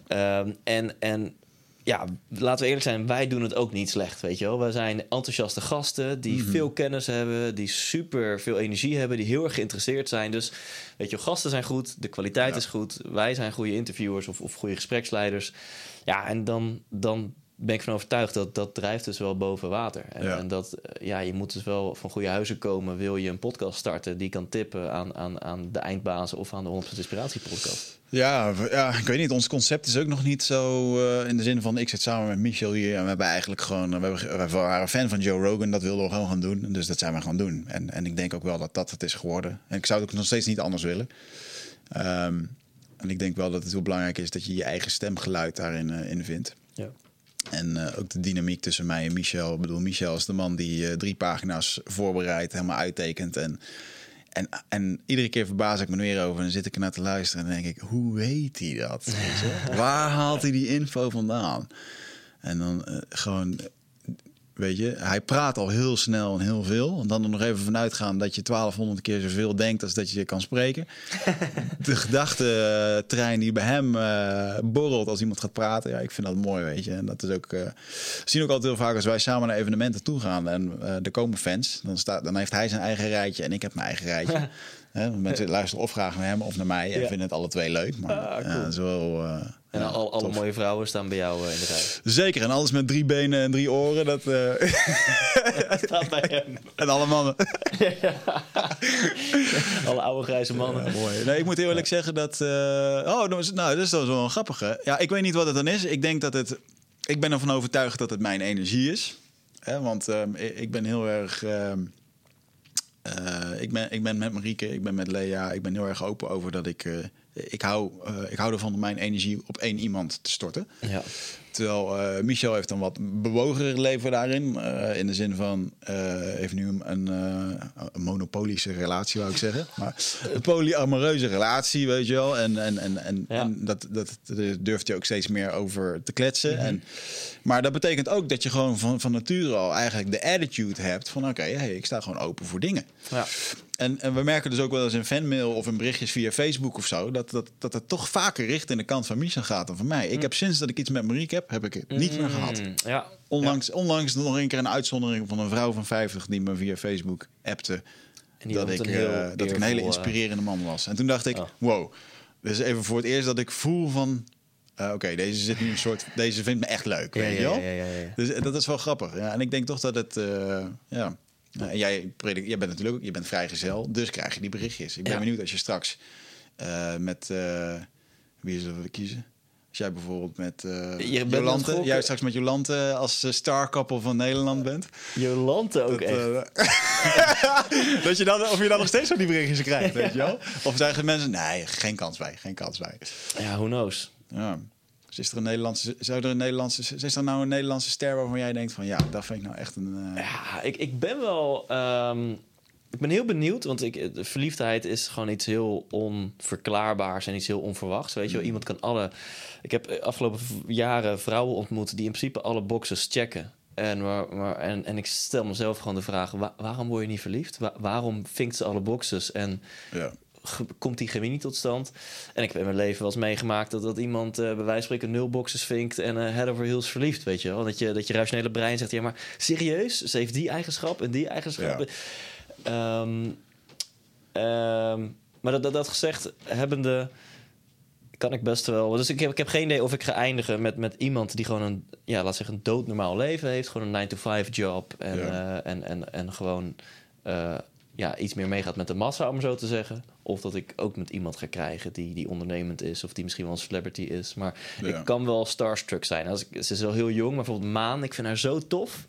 Ik denk, ik, ik, ik noem altijd drie dingen die ik zoek in een vrouw: vrolijk, eh, positieve energie, drive, hè, een stukje ambitie en schattig. Dat is gewoon iets persoonlijks. Heb ik een zwak voor vrouwen die iets schattigs is hebben. ook nog muzikaal. Ja, Toch? dus over, schattig. Als ik een maan zie, denk ik, nou, ja, fuck. eh, Volgens mij ben jij superleuk. ja, Ehm om maar een voorbeeld te noemen. ja. Mooi man. Nog andere dingen die bovenkwamen toen je je zoektocht bezig was? Nou, toen je net de, de, de topper opnoemde van zowel jullie als mijn podcast, Jan Geurts, wat ik wel echt ook bijzonder vind. Want het is wel van mensen, van alle 180 interviews die ik heb gedaan, het is een beetje het meest spirituele, maar voor heel veel mensen daarom meest zweverige interview dat ik heb gedaan. En dan zou je denken, nou, zelfs mijn publiek, de zelfhulp eh, junkie, om maar even zo eh, te zeggen, Ja. eh, kan hier misschien op afhaken. Maar goed, niet dus, want het is de best beluisterde. Hmm. Ehm, de nummer twee bij mij, van alle 180 interviews, is...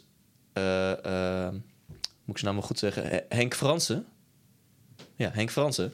Die is ook super spiritueel. Die heeft het over de, eh, het zelfgenezend vermogen van het menselijk lichaam. Oh, wauw. de, de vijf niveaus van zelfgenezing. Ook Ja. wel controversieel. Ja.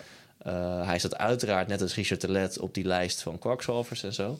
Terwijl in dat interview zegt hij... Hey Thijs, alles wat ik predik is wetenschappelijk onderbouwd. Ja. Ik, ik zeg niks wa- wa- waarvan ik jou niet rapporten kan laten zien... die dit gewoon onderbouwen. Ja. Ik ben alleen de messenger en ik voeg het allemaal samen. En ik ja, eh, zeg ook van als je kanker hebt... moet je ook zeker gewoon chemo en alles doen. Maar ik heb ook gewoon allerlei wetenschappelijk onderbouwde dingen... en zelf ook meegemaakt en toegepast... dat, dat er ook andere Ja. routes zijn... of dat het elkaar kan versterken. Ja. zo. Maar dat, dat is nummer twee bij mij. Ja. En volgens mij... eh, nou, ik weet even niet meer welke. Maar er, er staat nog een spiritueel gerichtere podcast in de top 5. Dus dat is Ja. best wel eh, bijzonder. Ja, ja ik, ik kijk er heel prim eh, p- daar moet je denk ik heel primair naar kijken. Eh, want mensen zijn in principe op zoek naar eh, wat te maken heeft met eh, seks, gezondheid of succes. Ja. Dus eh, Ja. eh, iedereen eh, heeft een, eh, een keertje dat zijn relatie overgaat. Dan ga je googlen wat je fout hebt gedaan. Ja. Of hoe je eh, beter, eh, eh, meer seks, betere liefde, andere dingen. En dan kom je dus bij ons op Jan Geurt. En ik denk dat heel veel mensen in de liefde aan het googelen zijn om zichzelf. Want iedereen komt een keertje met die plank voor zijn kop. Van ja, shit, het is Ja. nu fout gegaan. Hoe kan Ja. ik dit beter doen? Ehm, nou ja, succesvol raken. Eh, Michael Pilarczyk scoort ook heel hoog bij ons. Eh, ook een ander ding is natuurlijk dat die, dat zijn al wat oudere podcasts, dus die, die draaien ook al gewoon langer. Maar je ziet gewoon nog steeds dat ze sommigen gewoon niet, sommigen die, die raken gewoon niet meer over, overtroffen. En ehm eh, anderen die ontzettend goed bij ons scoren zijn dat we een dag mochten meelopen met die antiterrorisme-eenheid. Gewoon puur entertainment, hard schieten en knallen. Dat, dat is toch wat YouTube in Nederland leuk vindt, weet je wel. Ja. Dus, eh, en Jordan Peterson, maar dat was dan de internationale gast. Nou, ik ben heel benieuwd ehm, of jullie dat ook merken. Dat de, eh, toen ik die podcast startte, was ik heel erg gericht op BN'ers. Weet je, oh, hoe gaaf zou het zijn als ik de mensen die op tv Ja. ziet, als ik die in mijn podcast krijg en dat ze hun levensverhaal delen. Nou, dat is echt gewoon nog verder dan mijn stoutste dromen gelukt. Als ik naar mijn luistercijfers kijk, vind, dan, eh, eh, ik, ik vind wel zinnige interviews met bijvoorbeeld een Pieter van de Hogeband of met een Sylvana Simons of met een Peter Pannenkoek. Maar als ik naar mijn luistercijfers kijk, vinden mensen het veel interessanter om een eh, expert te horen die onbekend is, maar die bijvoorbeeld Floris Wouterson, die expert is op gebied van slaap, gaat door het dak. Ja. Mark Tegelaar, die totaal geen BN'er is, maar expert is op het gebied van focus, die gaat door het dak. Ja. Eh, en dat vind ik wel. ehm, dat merk ik dus. Dat mensen meer zitten te wachten op een expert op een heel specifiek vakgebied. Wat jou kan helpen bij jouw zoektocht naar liefde, geluk en eh, succes. Ja, eh, dan een, een, een dikke vette BN'er Ja, die, die zijn succesverhaal deelt. ja. Ja, 100% herkenbaar. Ik dacht, van, ik dacht eigenlijk de mensen die het beste zouden scoren. Even, en dat is niet de reden waarom ze hier in de studio komen. Omdat we gewoon een, een goed gesprek willen hebben. Van de mensen waarvan ik dacht, die scoort het best. ja, dan kijk je naar de cijfers en denk je, nou, amper. Weet je wel? Ja. Eh, ja. ja. Ik denk ook wel dat het... eh, ehm, ik, ik merk wel dat het nu steeds gemakkelijker wordt om bepaalde namen... Mensen zeggen nu makkelijker, nee, makkelijker ja.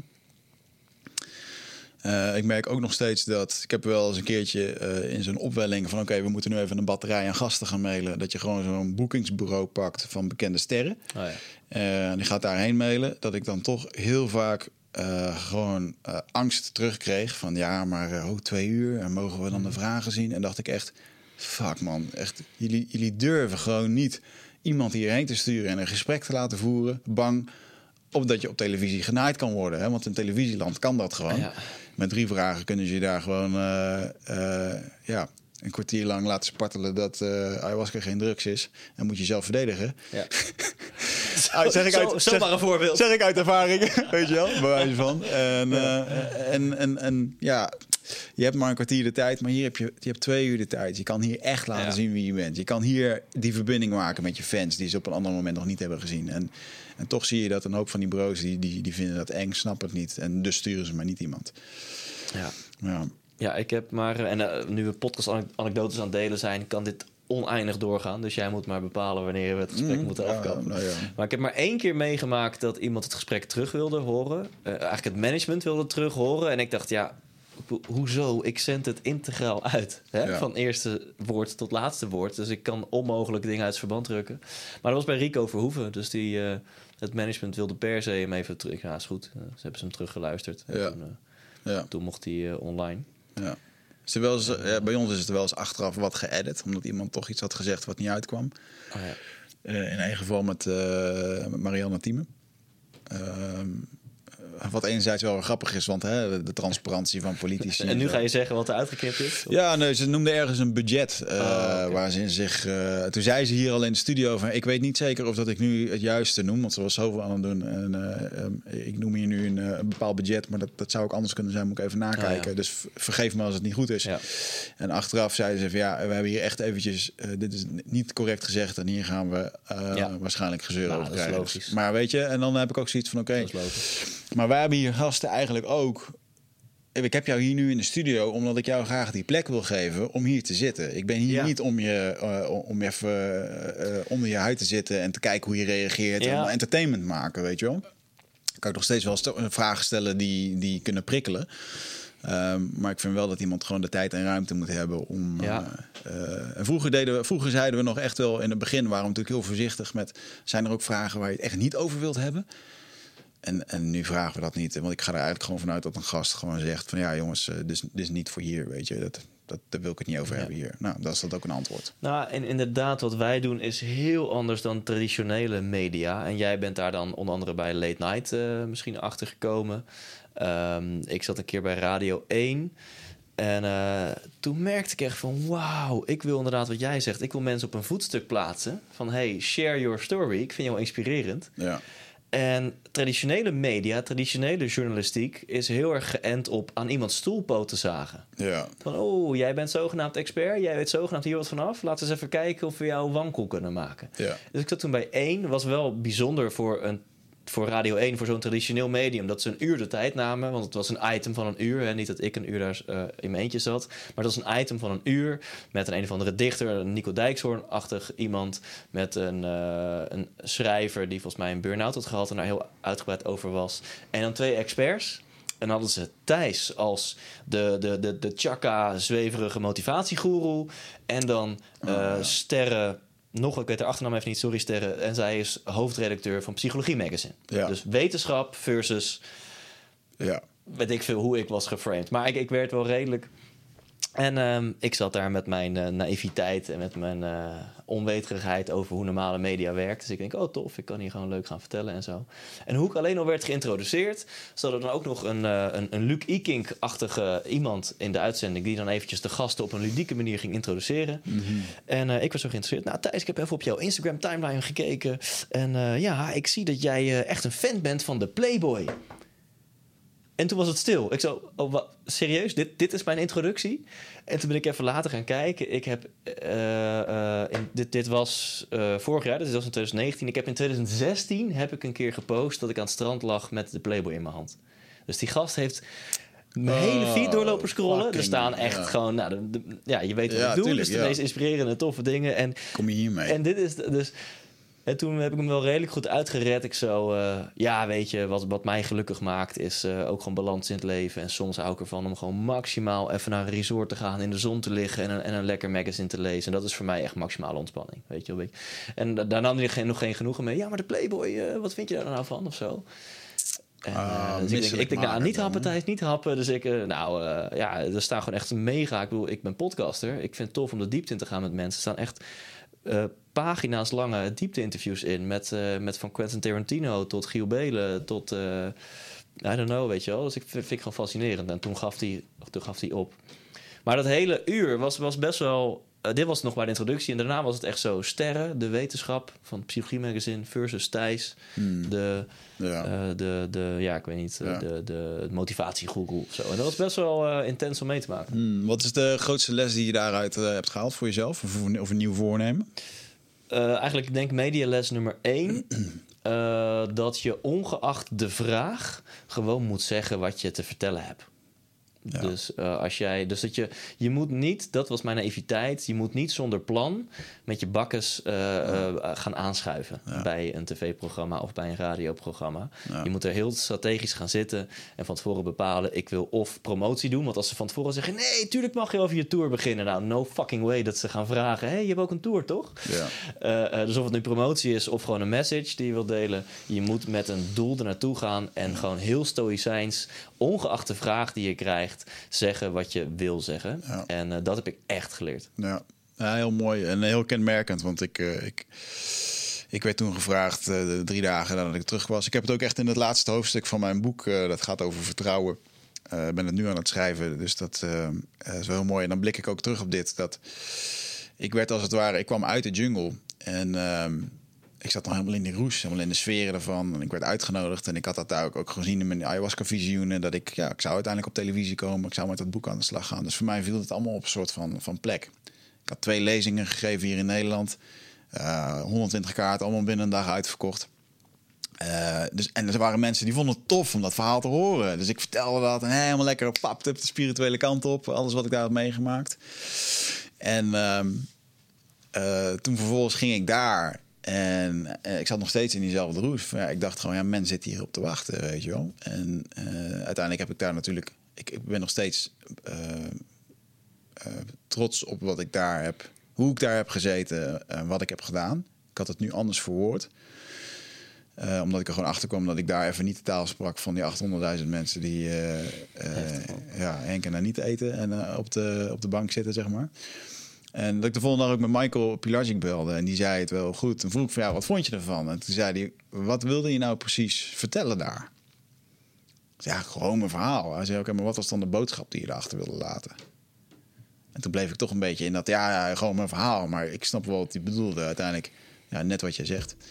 Wat is nou het plan dat je daar daadwerkelijk komt? Leuk dat je je verhaal kan doen, maar eh, eh, ja, dat is voor mij ook wel eh, de les geweest. Ja. Heel gericht. eh, en zeker ook omdat je inderdaad niet te kiezen hebt wat er, eh, eh, wat er gevraagd wordt. Bijvoorbeeld, ik heb het hier ook nog met Humberto over gehad. Toen ik in de Lamar was, zat hij ook in het publiek. Toen heb ik later nog met hem over gesproken. En hij komt nog een keertje hier in de studio. Maar bijvoorbeeld ook, er werd een of andere constructie werd er, over Chernobyl neergezet. En er was een Nederlands bedrijf die ging dat doen. Die man werd voor mij geïnterviewd. Mooi gesprek over wat hij daar doet. Mooie bouwconstructie. eh, imp- impressive project. En dan als allerlaatste vraag. Hey, en eh, hoeveel verdienen jullie nou aan het product? Er wordt volgens mij wel veel geld aan verdiend. Wat moet een ondernemer hier nu op zeggen? Weet je wel? Wat, wat, wat is de laatste vraag hierin? En ik, ik, ik vraag me dan ook wel eens af of dat Humberto met vijf shows per week, twintig gasten per week, die allemaal dit soort vragen moet bedenken. Zeg je dit nou heel erg bewust? Of is dit gewoon een soort van. Ja, ja. Is, dit jouw, is, is dit het soort van presentatorbrein? Want wat mij heel erg opviel was dat op het moment als daar de camera's rolden, dat iedereen een, soort van masker op had. ja. En, ehm, eh, eh, en ik, ik heb het ook met. met eh, ja, ga ik dit vertellen? Nee, dit ga ik niet vertellen. Deze hou ik voor me. Omdat ik. Ja, kan je niet een korte tease geven? ja, er werd, eh, laat ik het zo zeggen. eh, er waren een aantal gasten bij mij aan tafel. En als je eens terugkijkt, dan, dan snap je het wel. Maar die eh, kwamen van tevoren naar mij van... joh, weer oh, wauw, wat een bijzonder, eh, bijzonder verhaal. En eh, oh, dit en dat, mooi, mooi. En aan tafel werd er in één keer heel erg onbe- onbegrijpelijk gedaan... over wat ik had gedaan. En, en toen dacht ik echt... motherfuckers, weet je. Het is gewoon, het is niet eerlijk dit, het is niet authentiek. Ehm, Ja. En toen, nou, toen werd ik misschien daar wel echt geconfronteerd aan het mediawereldje. Wat dan in één keer. eh, en op, vervolgens was er, eh, dan werd er afgeteld voor de reclame. En dan zat eh, Piet achter zijn camera. Die pakte meteen Ja. zijn telefoon. Die zat te dingen. En het ging echt drie, twee, één. Ja, het ding werd gelegd Ja. op. We dingen weer aan. En dacht, Ja. ah, dit, dit. En wij zitten hier in dat podcast dingetje diep te graven en te wortelen in dingen. Ja, dat was mijn. e- Laat ik het zo zeggen. Ik besef het als een hele waardevolle, maar harde les. Voor eh, als je straks met je boodschap op de bühne staat. Eh, Ja. Dan gaan mensen er wat van vinden. En kijk, tuurlijk, Het- het- lieve mensen, wij, wij zijn hier ons ook ervan bewust dat nu het rode lampje brandt. Eh, we zullen nu ook niet hè, we, eh, alles delen of, of net iets anders dingen vertellen dan dat we vertellen buiten het rode lampje. Maar het is wel, als het gaat om media maken, is dit wel zo'n beetje as real as it gets, weet je wel. Ik Ja. heb afgelopen twee uur een paar keer tranen in mijn ogen gevoeld, om maar een voorbeeld te noemen. En eh, ja, dat is wel echt bij de landelijke media, of het nu een, een Giel Belen, een Fien Vermeulen of een Humberto Tan is. eh. Ze zijn zich, lieve mensen, er allemaal heel erg van bewust dat ze media aan het maken zijn. Ja, ja. En eh, Nou ja, anders word je ontslagen. Ja, Anders kijken er geen mensen. En ik had het er nog met, met, eh, met Humberto over. eh, en dan heb ik hem eigenlijk ook nog gewoon bedankt voor jou. Luister, eh, buiten het feit dat ik de dingen nu anders had gezegd of anders had voor, wil ik toch bedanken voor, voor de ervaring en voor het uitnodigen. Want het heeft mij er ontzettend voor laten waken. Voor, voor het schrijven van mijn boek, van het doen van mijn shows, van, mijn, van mijn lezingen. Dus ik gebruik het altijd nog als waardevolle aan, aanvulling. Ja. Ja. Ja. Volgens mij gaan we hem nu wel een beetje afronden, want ik moet echt fucking nodig naar de wc. Let it go. Dus, Let eh, it go. laatste ding, jij gaat je boek uitbrengen. Oh, zie je? Hè, van tevoren nog met mijn agent Ja. over gehad. We gaan het over zijn boek hebben. En gewoon het over- tweeënhalf uur. Peter R. de Vries taal. Ja, ja, ja?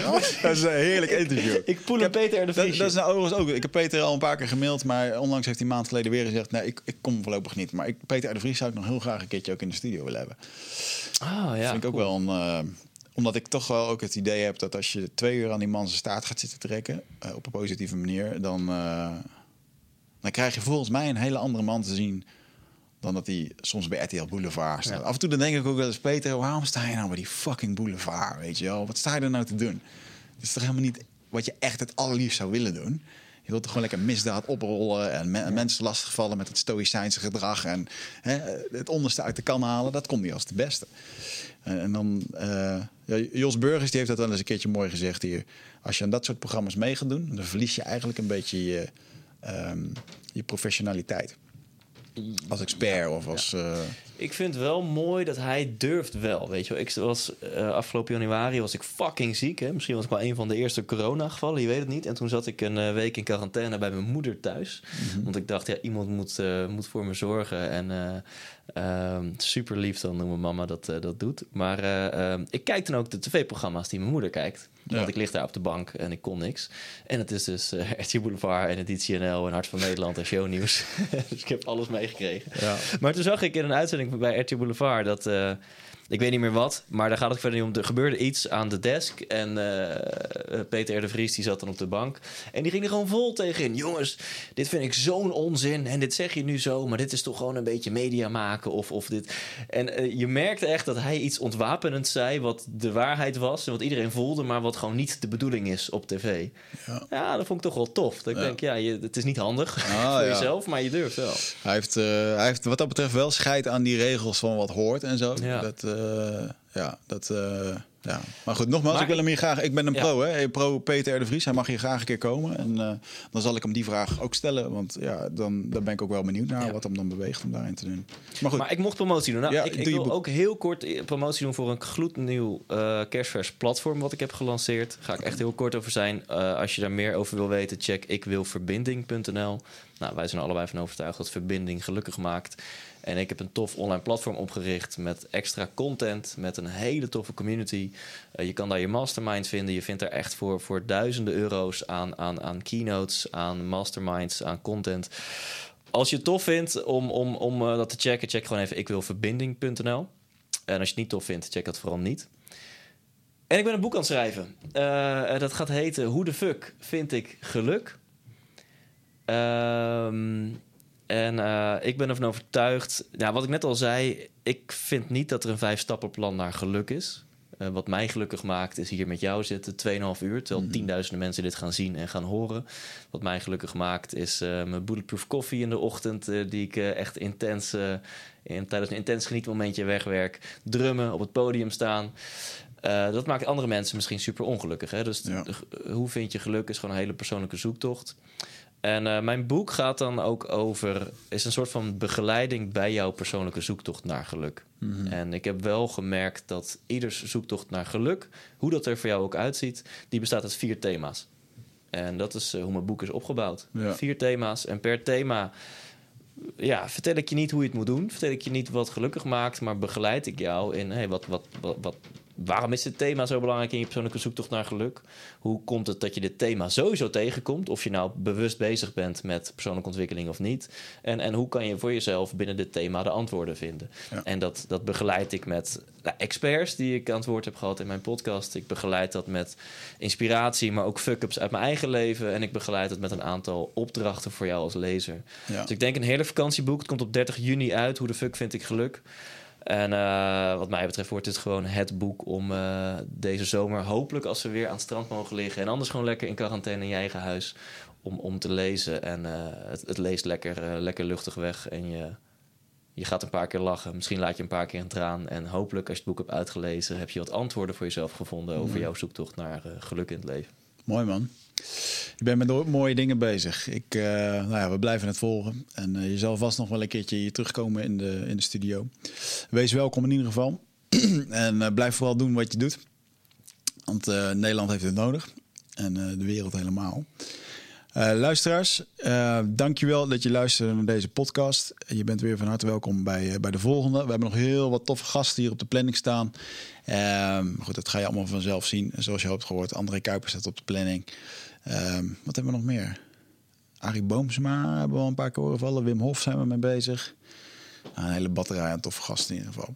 En Jan Geurts komt volgende week weer. Ja, deze komt dan na jou. Komt hij. Dus Jan Geurts komt volgende week. Na deze podcast komt Jan Geurts waarschijnlijk. Heel tof. Nou ja, ik vind het een eer dat hij in mijn naprogramma zit. eh. nee, ook jij bedankt weer. Ik vond echt een... Dit doe je goed, man. Dit doe je goed. Het voelt... Ik heb ook vaker in andere podcasts plaats mogen nemen. En dit... dit ik heb... Ja, dit klinkt er weer zo geslijm. Maar ik heb zelden zo lekker gewoon mezelf gevoeld... en lekker kunnen lullen en kunnen voelen... als de afgelopen 2,5 uur. Dus Ja. dat, dat, en die sfeer zet jij neer. Dus thanks, man. Mooi man, dat is die verbinding. Ja, ja.